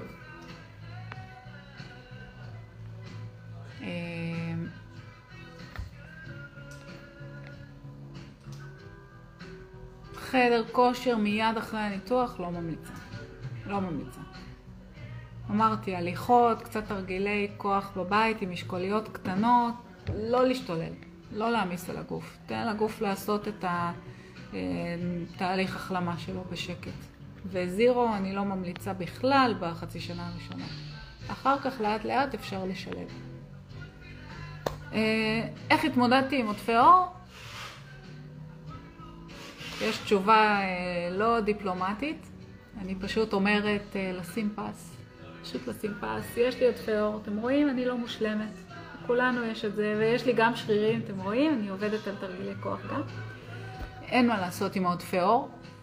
אה, אפשר לעשות ניתוחים, מי שרוצה. מגיע לנו ניתוח אחד מהקופה, אבל הייתי חוסכת אותו לבטן או חזה לאנשים. אה, פשוט לחיות עם זה. אתם רואות, אני הולכת עם גופייה, אין לי שום בעיה. מי שיש לו בעיה עם זה, סבבה מבחינתי, שיזדכה על עצמו, אין לי שום בעיה עם זה. אה, מה שמפריע לכם, תטפלו בו, מה שלא מפריע, תעזבו אותו, יש לכם מספיק מה לדאוג. אז העודפי אור, חייכם. תדאגו להחלמה שלכם הנכונה, תדאגו לתזונה שלכם הנכונה, תדאגו לקחת את הוויטמינים הנכונים, תדאגו להיות שמחים ומאושרים בחיים שלכם, להיות מאוזנים רגשית ובריאותית, וזה מה שחשוב בחיים, לא עודפי אור, ולא השיער שבשנה הראשונה טיפה נושר. תהנו ממה שעשיתם, תהיו בריאים, וזה מה שחשוב. אמ, אני ממש, באמת, לא יודעת איך להתייחס לשאלות כמו מה צריך לאכול בשבוע הראשון, כשיש הדרכות מאוד מאוד מדויקות מה צריך לאכול בשבוע הראשון, נוזלים צלולים. אה, אחרי כמה ימים אפשר לעבור לתכונים זה שבוע. אתם יודעים, זה כתוב בקבוצה בערך בכל מקום, ובערך בכל פוסט שמעלים. שאלות כאלה מהממות, אני מבינה שאתן מתרגשות נורא ואתן שוכחות מה שהסבירו לכם והכל, אבל תכנסו לספרייה בקבוצה, יש לכם הכל שם. באמת, זה, זה א' ב' של התהליך. זה דברים שצריך ללמוד לפני שעושים את הניתוח. להגיע לניתוח הזה מוכנים כבר, ש... לשנן את זה כדי שלא תצטרכו לשאול. בסדר? יש לכם הכל בספרייה, תיכנסו, תקראו את זה. אל תחפשו קיצורי דרך, בסדר? אמ, מבחינתי, אני חושבת שדי השלמנו את כל מה ששאלתם אותי. אם יש עוד שאלות, אז תשאלו עכשיו. אם אין, אז אה, נגיד לילה טוב ונשחרר אתכם מוקדם. אה, ומי שפספס, אז אה, תהיה הקלטה, והיא תעלה בקבוצה, אני מתארת לעצמי. וזהו, מי שרוצה לשאול לגבי הברימקס מוזמן לפנות אליי בפרטי, אני אשמח לעזור ולתת טיפים ולנסות להתאים. יובל, איזה כיף. הסוכריה על מקל שלנו מככבת בזה. אה, הנה, אתם רואים? קירה כבר מעירה לי על הכל, את צודקת.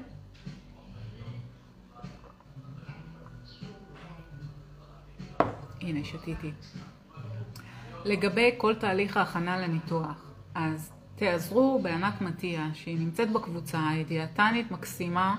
שהיא עושה גם אה, הכנה לניתוח, היא נותנת גם את המכתבים והכל. תעזרו בה, תשאלו אותה שאלות בקבוצה, תפנו אליה והיא תענה לכם.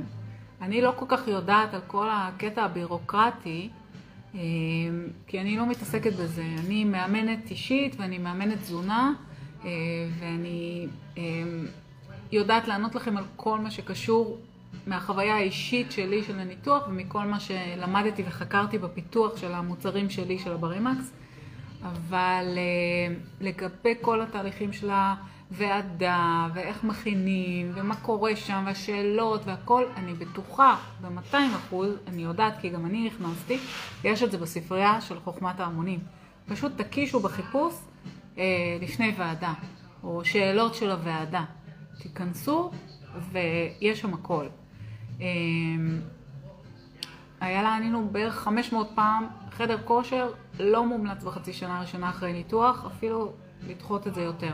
לעשות הליכות ותרגילי חיזוק עדינים בבית. מה עושים עם הריח? העליתי פוסט בחוכמת ההמונים על נושא הריח, מה עושים איתו, איך מתמודדים איתו. אה, העצה הכי טובה והכי זולה שאני יכולה להמליץ לכם, יש אה, מטהרי אוויר של גלייד שהם על בסיס אבקה. לרסס לפני היציאה באסלה, ואחרי היציאה, לפני שמורידים את המים, עוד פעם. זה קצת מנטרל את הריח הסביבתי ועוזר אה, לאלה שחולקים איתנו את תא השירותים, אה, אה, עוזר להם גם לחיות באותו מרחב. דבר נוסף, יש תרסיסים של אקונומיקה. גם אני מציעה להחזיק את זה בשירותים, לרסס לפני ואחרי, זה גם קצת מקל. יש את כל המבשמים האלה שאפשר לקנות באלי אקספרס או ב... איך קוראים לחנות הזאת? הזולה. ברח לי השם עכשיו, תכף אני אזכר. מעבר לזה יש את ה-day 2 אני חושבת, לא, לא day 2, של סאנו, כזה ספרי כזה שעושה גם כן נגד ריח. זה עובר אחרי השנה הראשונה בערך, העוצמה יורדת קצת, העוצמה קצת יורדת. מי שיש לו המון יציאות וקשה לו לשלוט על זה, הטיפ הכי טוב שאני יכולה לתת זה לקנות את הבייגל השטוחים עם מלח. סליחה, אני אקח בלימה. בייגל השטוחים עם מלח. המלח קצת סופח נוזלים והבייגל גם מאזן את ה... את החומציות שיש בקיבה, וקצת מפחית את היציאות. קצת מאזן את זה, ויותר קל לנו אחר כך להתנהל עם זה במשך היום. אז שיהיה לכם טיפה כאלה בייגלי בתיק אה, למקרה חירום. אה, שחייה אפשר אחרי ניתוח, למה לא? רק תשימו לב שאתם לא מותחים יותר מדי את התפרים, לראות שזה נסגר כבר, שלא יהיה מתיחה ושלא יהיה כאב. אה, מה עוד שאלו אותי? צריכת חלבון ומשקה חלבון. שואלים אותי כמה חלבון ביום צריך. אז אה, כל הדיאטניות והרופאים ממליצים על בין 60 ל-80 גרם חלבון. זה המון, המון. נורא קשה לנו המנותחים להגיע לכמויות האלה. לסבר את האוזן, בחתיכת סלמון של 100 גרם יש נדמה לי בין 35 ל-40 גרם חלבון, אבל אין לנו יכולת לגמור כזאת חתיכה. אוקיי? בביצה יש 7 גרם חלבון. אה, בסרדינים יש אה, נראה לי 20 גרם חלבון. אה, בגבינה צהובה גם כן משהו כמו בפרוסה 10 גרם חלבון. והכי נכון זה לשלב במשך היום מגוון סוגים של חלבון. לא לאכול מסוג אחד, זאת אומרת לא להישאר רק על מוצרי חלב שגם יכולים לגרום לנו אחר כך רגישות ללקטוז. כי כשהקיבה כל הזמן צריכה לנהל אה, חומציות גבוהה כתוצאה ממוצרי חלב, היא מפתחת רגישות וסלידה. אה, יש כאלה שאחרי חצי שנה לא יכולים להסתכל כבר על יוגורט, לא יכולים לראות קוטג'.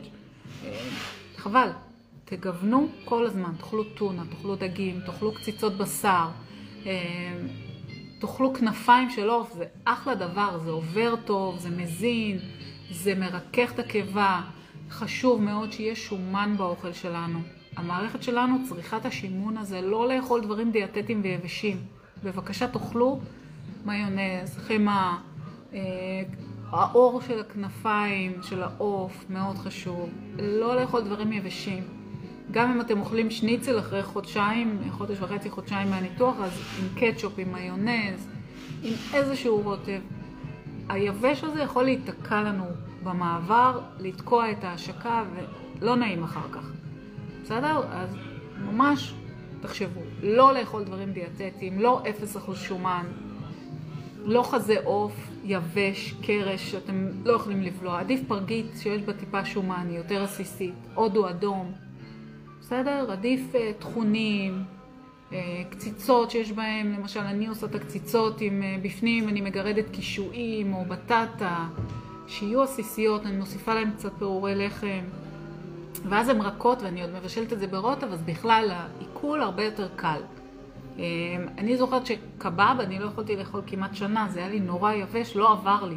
אבל יש אנשים שאחרי חודשיים כבר אוכלים קבב. אז עוד פעם אני מחזירה אתכם לניסוי וטעייה, כל אחד צריך לבדוק לאט ומעט מה עובר לו ומה לא. בזהירות, לאט לאט, ביס, ללעוס טוב ולראות מה קורה. לעצור רגע להקשיב לגוף שלנו, בסדר? לא למהר. אה, בואו נראה, אושרית כן, אה, ממה שאני מבינה, לכל מנותח בריאטרי מגיע ניתוח קוסמטי מהקופה, הם יעבירו אותך ויה דולורוזה, הם לא יאשרו את זה כל כך מהר, את צריכה לעבור אצל רופא עור שייתן לך אה, אישור שיש לך גרד ושהעודף עור הזה גורם לשפשוף וזה גורם לך לפטריה ולסבל נוראי ורק אחרי שאת מוכיחה באותות ומופתים שבאמת הניתוח הזה דרוש, אה, רק אז הם, אה, הם מאשרים את הניתוח, וגם אז תיקחו בחשבון שמי שעושה את הניתוחים זה...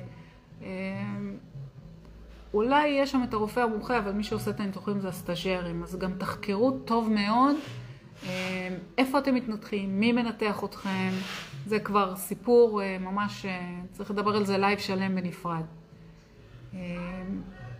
תחקרו מה אתם עושים. אם מותר לשתות קפה שחור, למה לא? אין שום בעיה לשתות קפה שחור. אני יודעת להגיד לכם שאני הייתי חולה של אה, נס קפה.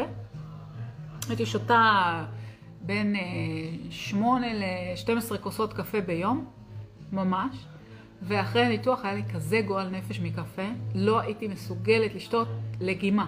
וזה היה ככה שמונה חודשים, וזה היה משבר רגשי מאוד קשה, שהיום אני יודעת להסביר אותו ולהבין אותו, בגלל השינויים שעברתי גם, הרי זה שינוי גם הורמונלי בניתוח בקיבה. אבל אחרי שמונה חודשים זה חוזר וחוזרים לטעמים ואין שום בעיה עם זה. אמ, לגבי המשקאות חלבון, אמרתי, אפשר לשלב משקאות חלבון בתזונה שלנו, אבל לא יותר מאחד ביום. משקה חלבון אה, סביר, לא אלה שקונים בסופר, כאלה שמכינים לבד מאבקות חלבון, הם נותנים לנו בסביבות 25 גרם חלבון במנה. זה אפשר להשיג אצלנו במנות אישיות במגוון טעמים ולעשות לבד שייקים. לשים בבלנדר שקית של אבקה שהיא 25 גרם חלבון, לשים קצת קרח, לשים איזה רבע בננה או תותים או פירות יער או משהו אה, ולעשות לכם את השייק שלכם לבד, אפשר לקחת את זה בתרמוס לעבודה ולשתות את זה לאורך היום, אבל אחד. לא יותר מזה. וכל השאר לגוון עם חלבון מסוגים אחרים, כמו גבינות, כמו בשר. אה, זה לגבי החלבון. שואלים אותי לגבי עצירות מחלב, בדרך כלל זה הפוך, חלב עושה שלשולים, אבל אם יש עצירות מחלב, אז על אחת כמה וכמה עדיף להיפטר ממנו, לעבור לסויה, לעבור לשיבולת שועל, יש היום 8,000 סוגים של חלבים שהם על מקור צמחי, שהם נהדרים, ולפעמים גם יש בהם חלבון, וזה הרבה יותר טוב מחלב רגיל. אה, ויש חלב דל לקטוז, אז תנסו אותו, הוא גם מתוק, ולפעמים הוא גם מחליף המתקה של השתייה, אם אתם בכלל צריכים. אני שותה בלי סוכר בכלל, ממש לא צריכה. דרך אגב, זה מים בטעמים שאני עשיתי עם קולה. אני פחות שותה את הגזים, אני עושה לי... חצי כוס קולה עם חצי כוס מים מינרליים, וזה ה... זה הפטיש שלי, זה הקולה שאני שותה. בלי גזים, אבל נהנית מהטעם עדיין. טלי, אמ, לגבי הטעמים של השייק חלבון, יש שישה טעמים, תסתכלי אצלנו באתר, יש את זה ממש מפורט, ואם תרצי, דברי איתי מחר, אני אסביר את הכל. אמ, שאלו אותי שאלה חשובה לגבי מצב רגשי. מכיוון שהניתוח הזה, קודם כל תהליך נורא ארוך שאנחנו עוברים, גם עם אה, כל אנשי המקצוע, וגם ההתשה שעושים לנו מהקופה עד שמאשרים לנו אותו, וכל ההתרגשות שלפני, והכאבים של אחרי, וזה שחותכים לנו את הקיבה שהיא איבר הורמונלי, ואנשים לא יודעים את זה, קיבה היא איבר הורמונלי. הרי תחשבו, כשאתם עצבניים, מה קורה? הקיבה מתכווצת, אי אפשר לאכול, קיבה ננעלת. הקיבה היא איבר מאוד רגשי. אז אחרי ניתוח יכול להיות מצב כמו אה, אחרי אה, לידה.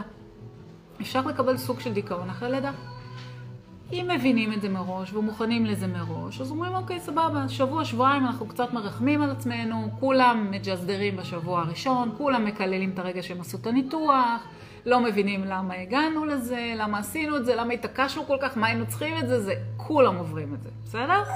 אבל אנחנו מצפים שלקראת, אה, בואו נגיד החודש השני אחרי הניתוח, רגיעה, להתחיל להירגע. עכשיו, מי שלוקח ברימקס, בברימקס אנחנו שילבנו גם כרום. כרום שהוא מווסת אה, רגישות אה, מנטלית. בסדר? אז טיפה מרגיע, טיפה אה, מאפס אותנו. אבל תהיו מודעים לזה שיכול להיות סוג של דיכאון, כמו דיכאון אחרי לידה, ותקבלו את זה, תאהבו את זה, ותשתחררו מזה מהר. תזכירו לעצמכם כל יום שאתם קמים בבוקר, למה עשיתם את הניתוח הזה. תסתכלו על תמונות שלכם כשמנים, והמלצה, ממש, אני מבקשת מכם, כל המתנתחים הטריים, צלמו את עצמכם תמונות מקצועיות, שמנים, עם בגד ים, עם בגדים צמודים, עם האוהל שאתם לובשים, תעשו לעצמכם בוק, תעמידו בן משפחה שיצלם אתכם. תעשו מדידה של ההיקפים ותעשו לכם יומן, מחברת, עם ההיקפים, עם המשקל. חודש אחרי, עוד פעם תעשו את זה. תצטלמו, תעשו מדידה של ההיקפים ותראו איפה אתם. מה שאתם תראו במחברת הזאת, במדידות האלה, ישפר לכם את המצב רוח כמו שאף כדור לא יעשה. ממש, תעשו את המתנה הזאת לעצמכם, אתם תברכו אותי. באמת. מושיקו, זה לא לייב של נשים. גם שלומי פה, ואתה הגבר הייצוגי שלנו. בלעדיך אנחנו חצי בן אדם. אה, זהו בגדול. אה, שאלו אותי אם יש סידן אצלנו, לא, אין סידן, כי יותר זול לכם לקנות את זה בבתי מרקחת של הקופה. אז אני גם רוצה שיהיה לכם יותר קל, אה, גם בכיס. כמו שאתם יודעים, אני משתדלת לשמור על מחירים מאוד נמוכים, זה גם אחת הסיבות. שואלים אותי כל הזמן, למה אין ברימקס בבית מרקחת, בסופר פארם? אני אסביר לכם למה. כי היום אתם קונים ברימקס בבודד אה, לחודשיים, עולה 149 שקלים. ויש לנו את המבצע של החצי שנה ב-387 שקלים, שזה מוריד את מחיר היחידה ל-120. וכשפנו אליי מסופר פארם, מבתי מרקחת, ופנו, ורצו לשים את זה על המדפים, אז המחיר היה קופץ ל-220 שקלים. ואני לא הסכמתי. כי אני מהקהילה שלכם, אני מנותח כמוכם, ואני יודעת שאנחנו צריכים את זה לכל החיים, ואני לא מוכנה שתשלמו על זה מחירים כאלה. לא מוכנה שתשלמו 210 שקלים, אפילו שזה לחודשיים. אפילו שאני יודעת שהברימיל עולה כפול. אני לא מוכנה. אני רוצה לתת לכם את השירות, אני רוצה לתת לכם את האיכות, ואני רוצה שהמחיר יישאר סביר. אני רוצה שתהנו מהחיים שלכם, שתבזבזו את הכסף על בגדים, ועל נעליים, ועל כיף, לא על uh, תוספים. אז לכן אין ברימקס בבתי מרקחת ואין ברימקס בסופר פארם. ושתדעו לכם שמזמינים ברימקס מכל העולם. אה, אתמול שלחנו לקפריסין, לפני זה שלחנו לקנדה, ושלחנו למקסיקו ולטקסס, וכיף, זה פשוט כיף ש... שהכדור מגיע לכל מקום. והבדיקות שלכם אתם שולחים לנו, ואנחנו עפים עליכם. איזה בדיקות נהדרות שאנחנו מקבלים, ופרופסור קדר יעשה מחקר קליני ואנחנו נפרסם אותו, וזה הכל בזכותכם, כי אתם הקהילה שלנו ואתם אלה שעוזרים לנו ותומכים בנו ואנחנו מאוד מעריכים את זה. ונעשה את הכל כדי להביא לכם עוד מוצרים טובים שיעזרו לכם בתהליך ויהיו לצדכם גם בהמשך. אנחנו עובדים גם על משהו ייעודי לשיער, לנשים, שיהיה גם לפנים וגם לשיער, אה, וגם כמובן עם ויטמינים בתוכו, כדי שיהיה לנו לשלב ההמשכי של השנה אחרי הניתוח. הברימקס רדר נותן אה, מענה מלא, גם אני לוקחת אותו כל יום, מקפידה ממש, אה, אין כמוהו, באמת, אה, בדקנו אותו בבדיקות מגוונות, גם אנשים שלקחו אותו ממש אחרי הניתוח שבוע, וגם אנשים שהתחילו חודש אחרי. יש לנו מגוון כבר, אנחנו בחודש הבא חוגגים שנה, נעשה חפלה גדולה, בעזרת השם במפגש של שלומי אולי, של החוכמת המונים, אה, נחגוג. אה, מקווה שהבאנו לכם אה, דברים טובים ושאתם שמחים בנו, ואנחנו שמחים בכם. תודה מושיקו, איזה פרגון, איזה כיף שהבדיקות יצאו מעולה. כל מי שרוצה אותי יכול לשלוח לי בוואטסאפ או במסנג'ר, אני מבטיחה לענות לכל אחד בקצב, כי אני באמת, תודה לאל, כל יום בשיחות מאוד ארוכות איתכם, אני משתדלת לעזור כמה שיותר, כמה שיותר אנשים. אז אם אני לא חוזרת אתכם, אל תיעלבו, תפנו עוד פעם, תזכירו לי, ענת, אני צריכה אותך, אני צריך אותך, דברי איתי. מי שכאן מכיר אותי יודע שאני באהבה גדולה ומתוך אה, אה, מחויבות אישית ממש עוזרת לכם.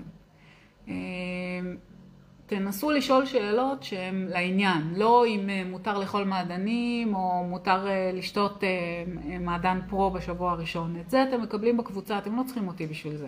תשאלו אותי דברים יותר עקרוניים, על תוספים, על תהליכים רגשיים, אני יכולה לעזור לכם כי אני מאמנת אישית. אה, ואני עושה גם ליוויים בתשלום פרטי אם אתם רוצים, אז אפשר גם את זה לעשות. אה, מה עוד? מה עוד אני יכולה? מילנה, אני מתנצלת, אני... כישלון טכנולוגי, אין לי מושג איך לאשר אנשים שיעלו לשידור, אני מבטיחה ללמוד את זה עד הלייב הבא, שלומי יעשה לי סדנת אה, לייב.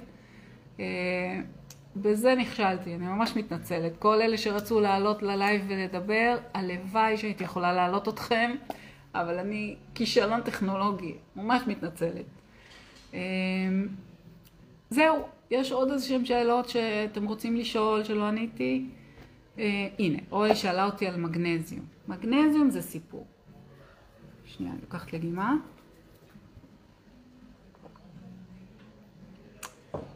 מגנזיום זה סיפור. מגנזיום, קודם כל יש אותו בברימקס.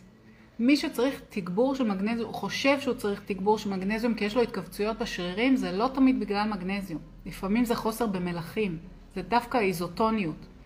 זה צריך לשתות יותר אה, אה, מרקים, יותר תבשילים שהם אה, עם מלח. כי מה אנחנו עושים? אנחנו אוכלים המון מעדני חלב. במעדני חלב אין לנו איזוטונים, אין לנו מלחים. אין לנו איזון. ואז הגוף מתחיל, השרירים מתחילים להתכווץ. אז זה לא תמיד מהמגנזיום. עכשיו, מה קורה עם מגנזיום אצל מנותחים? מגנזיום גורם לגזים מטורפים, שתדעו. מגנזיום זה כמו לאכול כרוב או כרובית או ברוקולי בחודשים הראשונים. אצלי בכל אופן, זה מה שזה עשה לי. גזים של הלייף, שזה הדבר היחיד הטוב שאפשר להגיד על זה, שאתם נראים הרבה יותר רזים, כי כולם מתרחקים לפחות 50 מטר מכם כדי לא להיות בסביבתכם המיידית. אז מה אני ממליצה? אני ממליצה אה, לאכול חצי בננה. אני ממליצה לאכול אגוזי מלך, או אגוזי לוז, או אגוזי ברזיל שיש בהם מגנזיום. לחפש את המגנזיום במאכלים, אוקיי? לא לקחת אותו בתוספים. א', תוספים, אם אתם לוקחים מגנזיום בתוסף, אז לוודא שהוא באבקת תחוסה ולא בקפסולה או בג'ל, בסדר? אם אתם מתעקשים לקחת מגנזיום, אז לשבור אותו לחתיכות קטנות ולהרחיק אותו מאוד מהברזל. הוא פוגע בספיגת הברזל בצורה בלתי רגילה, גם אבץ, לא יחד עם ברזל. בסדר? זה לגבי המגנזיום. איזה עוד שאלות? אמ,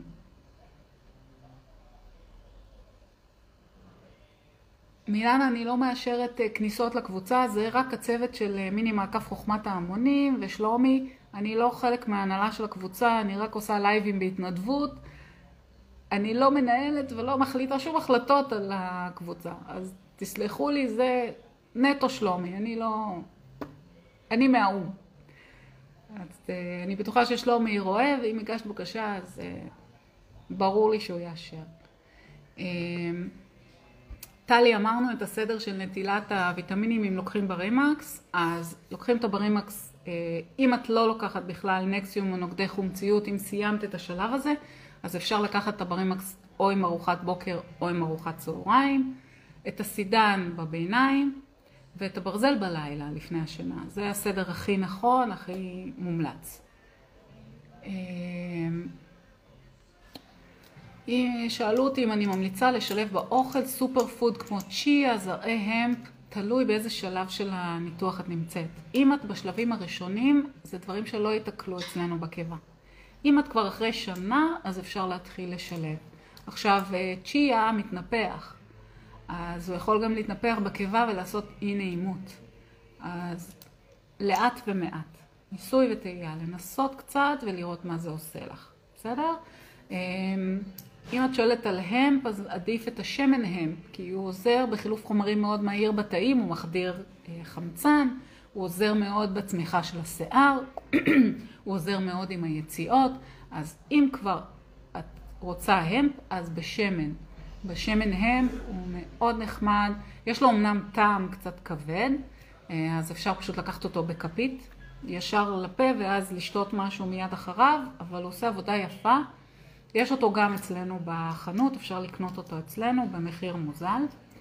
אה, טלי, השיער שלי לא היה ככה, השיער שלי היה מלא מלא בקרחות ומאוד דליל, והוא גדל ככה בגלל הברימקס. אני לוקחת אותו כבר שנה וחצי, את הברימקס, בכל גלגולי הפיתוח שלו, אה, וזה אחד הדברים שהיה מאוד חשוב לנו, שיהיה בברימקס אה, אבץ וביוטין, כדי שידאג לצמיחה של השיער. אמ, גנית אבץ לא לקחת צמוד לברזל, ממש לא, לפחות שלוש שעות להפריד. טליה, אה, לקיחת הברזל מאוד תלוי באיזה ברזל אה, לקחת. מאוד תלוי. צריך לדאוג שהברזל שאת לוקחת לא יהיה בכדורים, אלא יהיה באבקה או בנוזל. בסדר? אמ, שנייה. אה, לקחת את הברזל באבקה. אתה יכול להנמיך בבקשה? אני לא שומעת את עצמי. אה, לקחת, סליחה, המפריעים בבית. אה, לקחת את הברזל באבקה. את מוזמנת לנסות את הברזל שלנו, שהוא מאוד ידידותי. הוא לא עושה בלאגנים בבטן. זה ברזל עם מחקר רפואי, שנבדק על נשים בהיריון. טעים גם, אני חושבת שיכולים להעיד אלה שמשתמשים. אמ, וסיפורים כמו שלך זה בדיוק למה שהפרדנו את הברזל מתוך המולטי ויטמין, כדי שאפשר יהיה לבחור סוגים שונים של ברזל שהם מתאימים לקיבה שלנו, אלה שחיים טוב עם הקיבה שלנו. אמ, טלי עוד פעם, כדורים, תרופות, להתייעץ עם הרופא, אני לא מוסמכת לענות על דברים כאלה, בסדר? ואני ממליצה לך לנסות את הברזל שלנו. באהבה. אה, מה זרקתי? זרקתי על בעלי עט כדי שינמיך קצת את הטלוויזיה, כדי שאני אוכל אה, לשמוע את עצמי מדברת. זה מה שזרקתי. אתם רואים? גם אני המרוקאית לפעמים עולה לי לראש, למרות שאני לא מרוקאית. ונטלי השועל, שתמיד נהיית רעבה אחרי השידור, ואני לא אכלתי כלום, אז איך נהיית רעבה? אני לא יודעת. ממש לא מבינה את זה. היי מיכל, איזה כיף שבאת, איזה כיף. הייתי מתה שתעלי עכשיו לשידור ותדברי על, אה, על מה שחווית. אבל אני כישלון טכנולוגי ואני לא, לא יודעת לעלות. אה, מושיק, אתה רוצה לסכסך? מה זה נעליים? אה, מה זה, מה זה, מה השאלה? מאיפה קונים את הברימקס? מהאתר שלנו, barimax.co.il או מתקשרים אליי 051-21-2400 בין 9 ל-7. לפני אני לא עונה, ואחרי אני כבר לא יכולה לענות, כי כמו שאתם שומעים את הקול שלי, בשעות האלה כבר אין לי קול.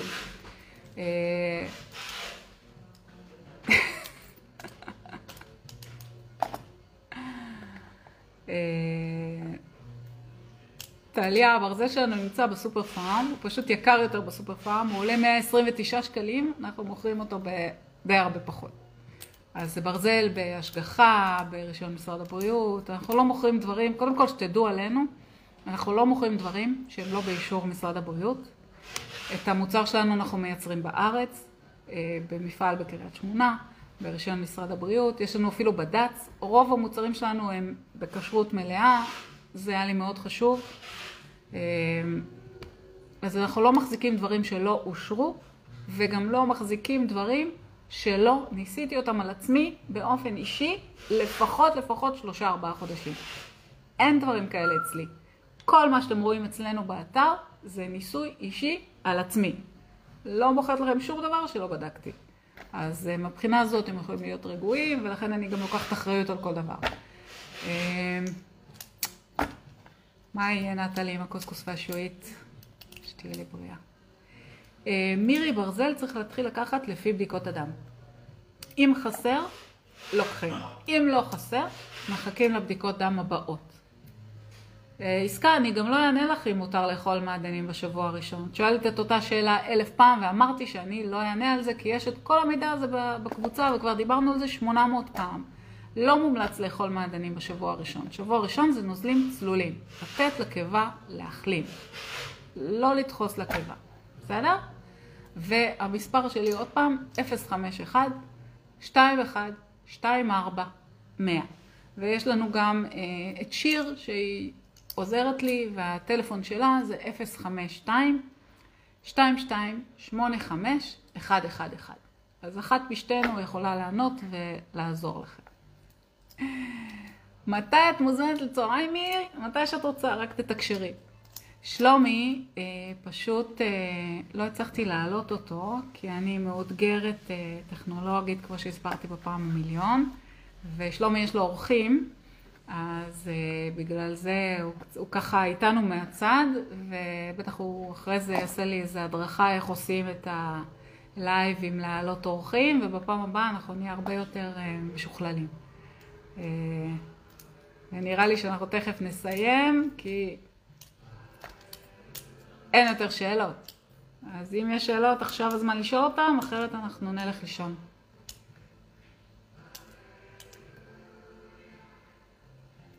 אני מחכה.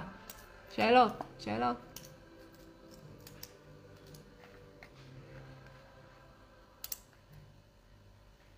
שלומי לא בוויסקי, למה אתה מלכלך? אז אני חוזרת עוד פעם, אמ, גם לטובת הוותיקים. ויטמינים צריך לקחת כל הזמן. לא, לא להזניח את זה. בדיקות דם צריך לעשות פעם בשנה את הבדיקות דם המקיפות, גם לוותיקים מביניכם. לא להזניח את זה. לעקוב כל הזמן, בעיקר נשים, על הנושא של הברזל שלכם. בגלל שאנחנו, יש לנו את הברכה החודשית, אז אנחנו מאבדות דם.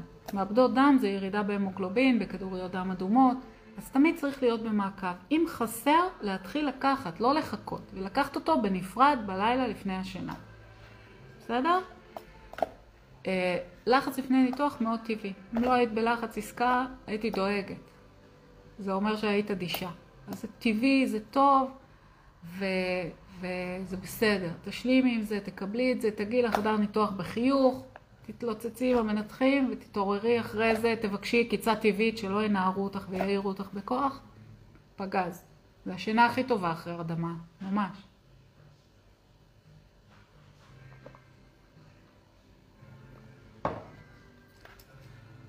וואו, טלי, בן 21 ששוקל 150, את צריכה לפחד מה יהיה העתיד שלו.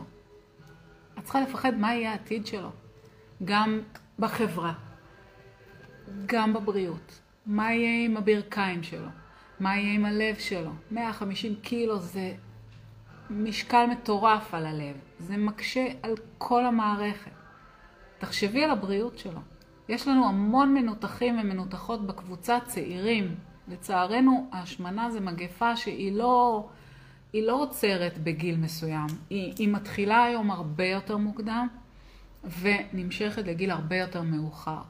עכשיו, אם יש מורכבות מנטלית, צריך לבחון את זה עם פסיכיאטר, לא עושים את הניתוח הזה אה, בלי להתייעץ עם פסיכיאטר, ובליווי של עובד סוציאלי, לקחת בחשבון את כל ההשלכות של זה. יכול להיות שלא יעשו לו מיני מעקף, כי התמודדות עם תזונה ועם יציאות של מיני מעקף היא מורכבת מדי לאנשים שהם מאותגרים אה, מנטלית. אז ממש לעשות את התהליך, אבל לעשות אותו מאוד בקפדנות, עם כל בעלי המקצוע, אבל כן לעשות. אני ממש כן בעד לעשות. שבועיים אחרי ניתוח וכל פעם שאוכלים מרגישה שהקיבה מתמלאת באוויר. כן, יש שיטה. לאכול לאט, לאכול בפה סגור, לאכול לבד, בשקט עם עצמך, לא לאכול עם אנשים שמעצבנים מסביב. אה, אם, אם את אה, צוברת אוויר, זה אומר שאת לועסת מאוד מאוד מהר ובולעת מאוד מהר. אז לעבוד על הכמויות, אה, לעבוד על המהירות של הלעיסה, לעבוד על המהירות של הבליעה, בעיקר לאכול לאט ורגוע יותר. ולגבי שתייה שמכניסה אוויר, אז דיברנו לשתות עם קש מאוד קצר, כדי שלא ייכנס אוויר, כי כשלוקחים את הכוס ועושים ככה, פותחים את הפה ונכנסת בועת אוויר בשתייה. אז עד שלומדים את הטכניקה של השתייה הנכונה, אני ממליצה כן לשתות עם קש, אבל לקצר אותו משמעותית, שהוא יהיה ממש ככה טיפונת מעל הגובה של הכוס, לא יותר. זה מאוד יעזור.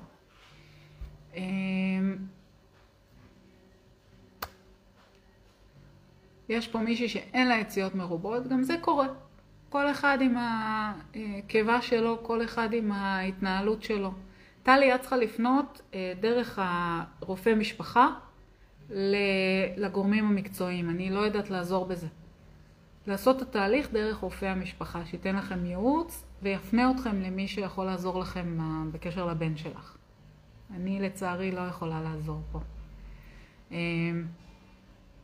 פתרון לעצירות אחרי ניתוח, כבר דיברנו על זה. אפשר לקחת כף של שמן זית בוקר וערב, אפשר לקחת קצת אה, מיצוי של שזיפים יבשים שהרתחנו אותם במים וסיננו, אפשר אה, עגבנייה מגורדת עם אה, קצת מלח. זה בערך הדברים, ולא לאכול דברים יבשים, בסדר? לאכול יותר דברים במרקמים רטובים. אה, קרן, בשבוע הראשון לא מומלץ שייק. השייק מומלץ מסוף השבוע השני, כי בכל זאת החלבון הוא כבד לקיבה. אז uh, בשבוע השני כבר אפשר לעשות שייק שהוא דליל. לשים כמות גדולה יותר של מים כדי שהשייק לא יישב כבד בקיבה. אחר כך, שבוע שני והלאה, אפשר לשלב בהדרגה פירות בתוך השייק, גם כן, שהוא לא יהיה סמיך מאוד, אבל אפשר בהדרגה לעשות שילובים של פירות ושקדים ואגוזים. מה עוד?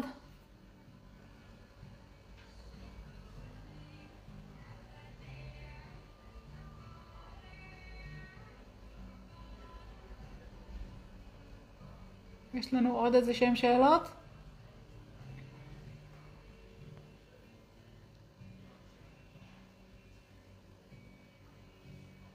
ג'וליה, אני לא רואה את השאלה, את רוצה לשלוח אותה עוד פעם?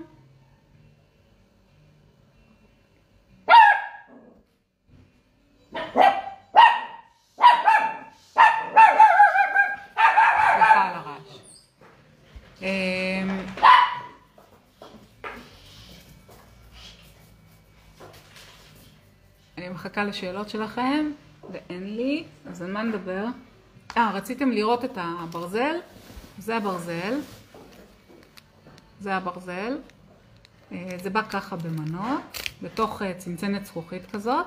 פותחים כזאת מנה. בפנים יש אבקה, מאוד טעימה בטעם אה, לימון.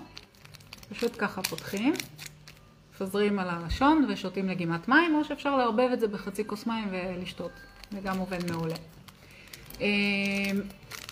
שאלו אותי על שיטות לזרז אה, ירידה במשקל. אה, הנה, קרן התותחית פה, קרן אוזן, אה, נותנת לנו טיפים ליציאות. מי פטרוזיליה, טיפות לימון בתוך רביון וכל מיני דברים.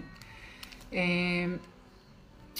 מי שנתקע לתקופה ארוכה בירידה, אני מדברת על חודשיים, שלושה, ברזל הזה יש בו 35 גרם ברזל, והוא בספיגה ליפוזומלית, זה אומר שהוא נספג ישר לזרם הדם, הוא נותן תוצאות פגז, ובלי כאבי בטן ובלי בעיות. אמ, טיפ לחידוש ירידה, אבל רק אם אתם תקועים למעלה משלושה חודשים, בסדר? אמ, לעשות חזרה לשבוע של הנוזלי. שבוע של מרקים, שייקים, מים, דברים שהם נוזליים, יוגורט נוזלי, משקאות, רק נוזלי, שבוע שלם. עושה סוג של איפוס לקיבה. גם בארצות הברית כבר התחילו לדבר על השיטה הזאת וממליצים עליה למנותחים. פשוט מה שקורה זה כשאתם עוברים לתזונה נוזלית, כמו שאמרנו, זה עובר מהר בהשקה. זה לא, נש... לא יושב הרבה בקיבה. אנחנו לא מדברים על שייקים סמיכים מאוד, אנחנו מדברים על הכל דליל מאוד. בסדר? ברגע שהנוזל דליל הוא עובר מהר בקיבה. ואז הקיבה גם טיפה מצטמצמת, כי הקיבה היא שריר, אתם יודעים. כשיש הרבה נפח אז היא מתרחבת קצת, גם הפאוץ' הקטן שלנו יכול טיפונת להתרחב, ואתם יודעים שאחרי שנה-שנתיים אנחנו אוכלים כמויות קצת יותר גדולות. וזה בסדר, והכל טוב, ולא עולים במשקל בגלל זה. כי הגוף מנהל את זה, יש לנו עדיין את התת ספיגה. אמ, אז לעשות שבוע כזה, טיפה לכווץ את הקיבה, טיפה להרגיע אותה, ואז תהליך הירידה בדרך כלל מתחדש. זה, בשבילי זה עובד. כשאני צריכה את זה, ולא הייתי צריכה את זה הרבה, אבל עשיתי את זה כמה פעמים, זה עובד לי. וגם אה, לקוחות שהמלצתי להם, זה עובד להם. אז תנסו, לא יכול להיות גרוע. הבריסקין עוזר, אה, שאלו אותי פה, האם הבריסקין עוזר לרפא את החתכים של הניתוח, ואם הוא עוזר להעלים את הצלקות. עכשיו, להעלים לגמרי, אין תכשיר היום שיודע להעלים לגמרי. כי בכל זאת זה, עשו חתך בעור והוא צריך להיסגר. תמיד יישאר איזושהי צלקת, אבל הצלקת הזאת יכולה להיות בצבע של העור, שטוחה ויפה, או בולטת ואדומה. אנחנו רוצים שהיא תהיה שטוחה ויפה. אז מה הבריסקין שלנו עושה? הוא קודם כל מאזן את ה-pH של העור, מחטא אותו, זאת אומרת הורג את כל החיידקים שמצטברים באופן טבעי על העור אחרי ניתוח, ומונע מהם לעשות ריאקציה דלקתית בתפרים. ואז השמנים הרפואיים והוויטמינים המאוד חזקים שיש לנו פה והמינרלים עוזרים לפצע להחלים בצורה שטוחה ויפה. אני יכולה להגיד לכם בשמחה ולהשתחצן שמנתח פלסטי מאוד ידוע בארץ, קנה ממני עכשיו כמות מאוד גדולה של בריסקין כדי לחלק ללקוחות שלו, וכבוד יותר גדול מזה לבריסקין אין. זה... הייתי על ענן קטן אה, כשהוא התקשר אליי ואמר לי, וגם מרפאה אה, די גדולה לטיפול בפצעים כרוניים. קנו ממני כמות גדולה של הבריסקין, אחרי שהם ניסו אותו במשך כמה חודשים על אה, פצעים של סכרת, ועל פצעים כרוניים שלא נסגרו לאנשים, וזה, תקשיבו, פגז הדבר הזה. ואמרנו שזה טוב גם לפיסור אבטחורים, מאוד מרגיע, מאוד אה, יעיל. אה, הבריסקין עזר לי באופן אישי, אה, אני אספר לכם סיפור ככה בר, ברמה האישית. אה, ביום הולדת שלי, ב-20 במרץ, הייתי אצל חברים שהזמינו אותי לחגוג, הם עשו לכבודי ארוחת ערב, והם אימצו באותו יום כלב מ... אומנה, כאילו, מ-SOS חיות. הכלב הזה היה מאוד רגיש, מאוד עצבני, וכל הערב הוא התפרע, ובדיוק נכנסו כמה ילדים, והוא עוד יותר נכנס ללחץ, ואני הייתי בדרך. פשוט התנפל עליי ונשך אותי נשיכה מאוד מאוד מאוד אגרסיבית, ועשה לי פצע, אתם רואים, זה כבר אחרי החלמה. זה כבר סגור, אתם רואים? זה הבריסקין. זה מה שהוא עשה. פצע של נשיכה לא, לא תופרים ולא מדביקים. פצע של נשיכה משאירים אותו פתוח, עכשיו זה פתוח ממש. לא רוצה להיכנס ל... ואמרו לי, תקשיבי, זה לא ייסגר עד הסוף, זה יהיה מאוד מכוער, אי אפשר למרוח משחה, אי אפשר כלום. ואז נזכרתי שיש לי בריסקין. זה חודש, תראו, הכל סגור. והפצע נוראי. אף רופא שראה את זה לא האמין לי, שזה מהבריסקין. אז זה הבריסקין. אה, לאחר חצי שנה, אם זה עוזר לצלקות, אם הצלקת אדומה ומגרדת, כן. אם הצלקת כבר שטוחה ובצבע של העור, זה לא יעזור. כי צלקת תישאר. אה, אי אפשר, אי אפשר לגרום לעור להיות עוד פעם חלק כאילו הוא לא עבר חתך. זה לא יקרה. אז תהיו ריאליים גם, בסדר? אני עברתי חמישה-שישה ניתוחים, יש לי צלקות בכל הבטן, אבל הן נראות אה, בצבע של העור ורגועות, ו... אין מה לעשות, זה בסדר.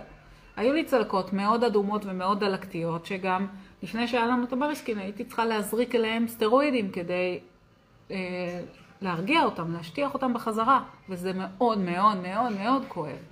אז אם אתם מטפלים בתפרים, ממש בשלב של אחרי הניתוח, זה, יש אנשים שאפילו לוקחים את הבריסקין לבית חולים, ומתחילים להתיז אותו ממש בבית חולים. אז להשתמש שלוש-ארבע פעמים, לעשות את זה פנימה, אם יש אה, פלסטרים, ממש לעשות את זה דרך הפלסטר. אם יש לכם סיכות, אז ממש על הסיכות ולעשות עם האצבע פנימה לתפר, זה גם מרגיע את הגירוי ואת הגירוד של הצלקת, גם מרגיע כאב וגם מזרז בצורה בלתי רגילה את האיחוי של הצלקת. מדהים. אתם אחרי תקופה שוכחים מזה. וזהו, בקשר לבריסקים. אה, בואו נראה אם יש עוד שאלות. נכון, קרן, גם שבוע נטו נטו של חלבונים עוזר לחדש ירידה, אבל זה נורא קשה. העיכול הוא נורא קשה, יש הרבה גזים בשבוע כזה, אז קצת הייתי נזהרת עם הדבר הזה, למרות שזה עובר פגז וזה אולי קצת למתקדמים. אה, קרן פה נתנה לנו טיפ לגבי חידוש ירידה. אני דיברתי על אה, שבוע של נוזלים, לאלה שהם בשנה הראשונה, ומי שכבר קצת טיפה יותר מתקדם, אפשר לעשות שבוע של חלבונים נטו. ממש, רק חלבונים, לא פחמימות, לא מתוקים, זה גם כן עוזר בירידה. אבל זה קצת יותר קשוח מבחינת התנהלות עם שירותים ועם אה, הבטן.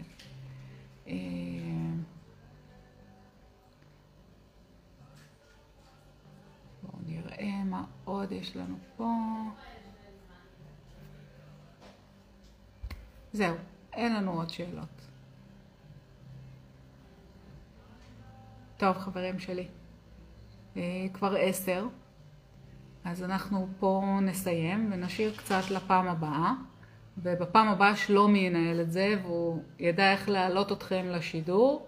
אה, ולמי שביקש עוד פעם, אז אני אומרת עוד פעם את הטלפון שלי, 051 21 24 100. אז uh, תהיו בריאים, תשמרו על עצמכם, תאהבו את עצמכם, תפרגנו לעצמכם, כי אם לא אנחנו נפרגן לעצמנו, מי יפרגן לנו? תאהבו את עצמכם גם אם נתקעתם קצת בירידה. וגם אם לא הגעתם ליעד, וגם אם טיפה התעצבנתם והתאכזבתם, תהיו נדיבים לעצמכם. ואנחנו פה תמיד בשבילכם, באהבה גדולה. ושיהיה לילה טוב, אוהבת אתכם.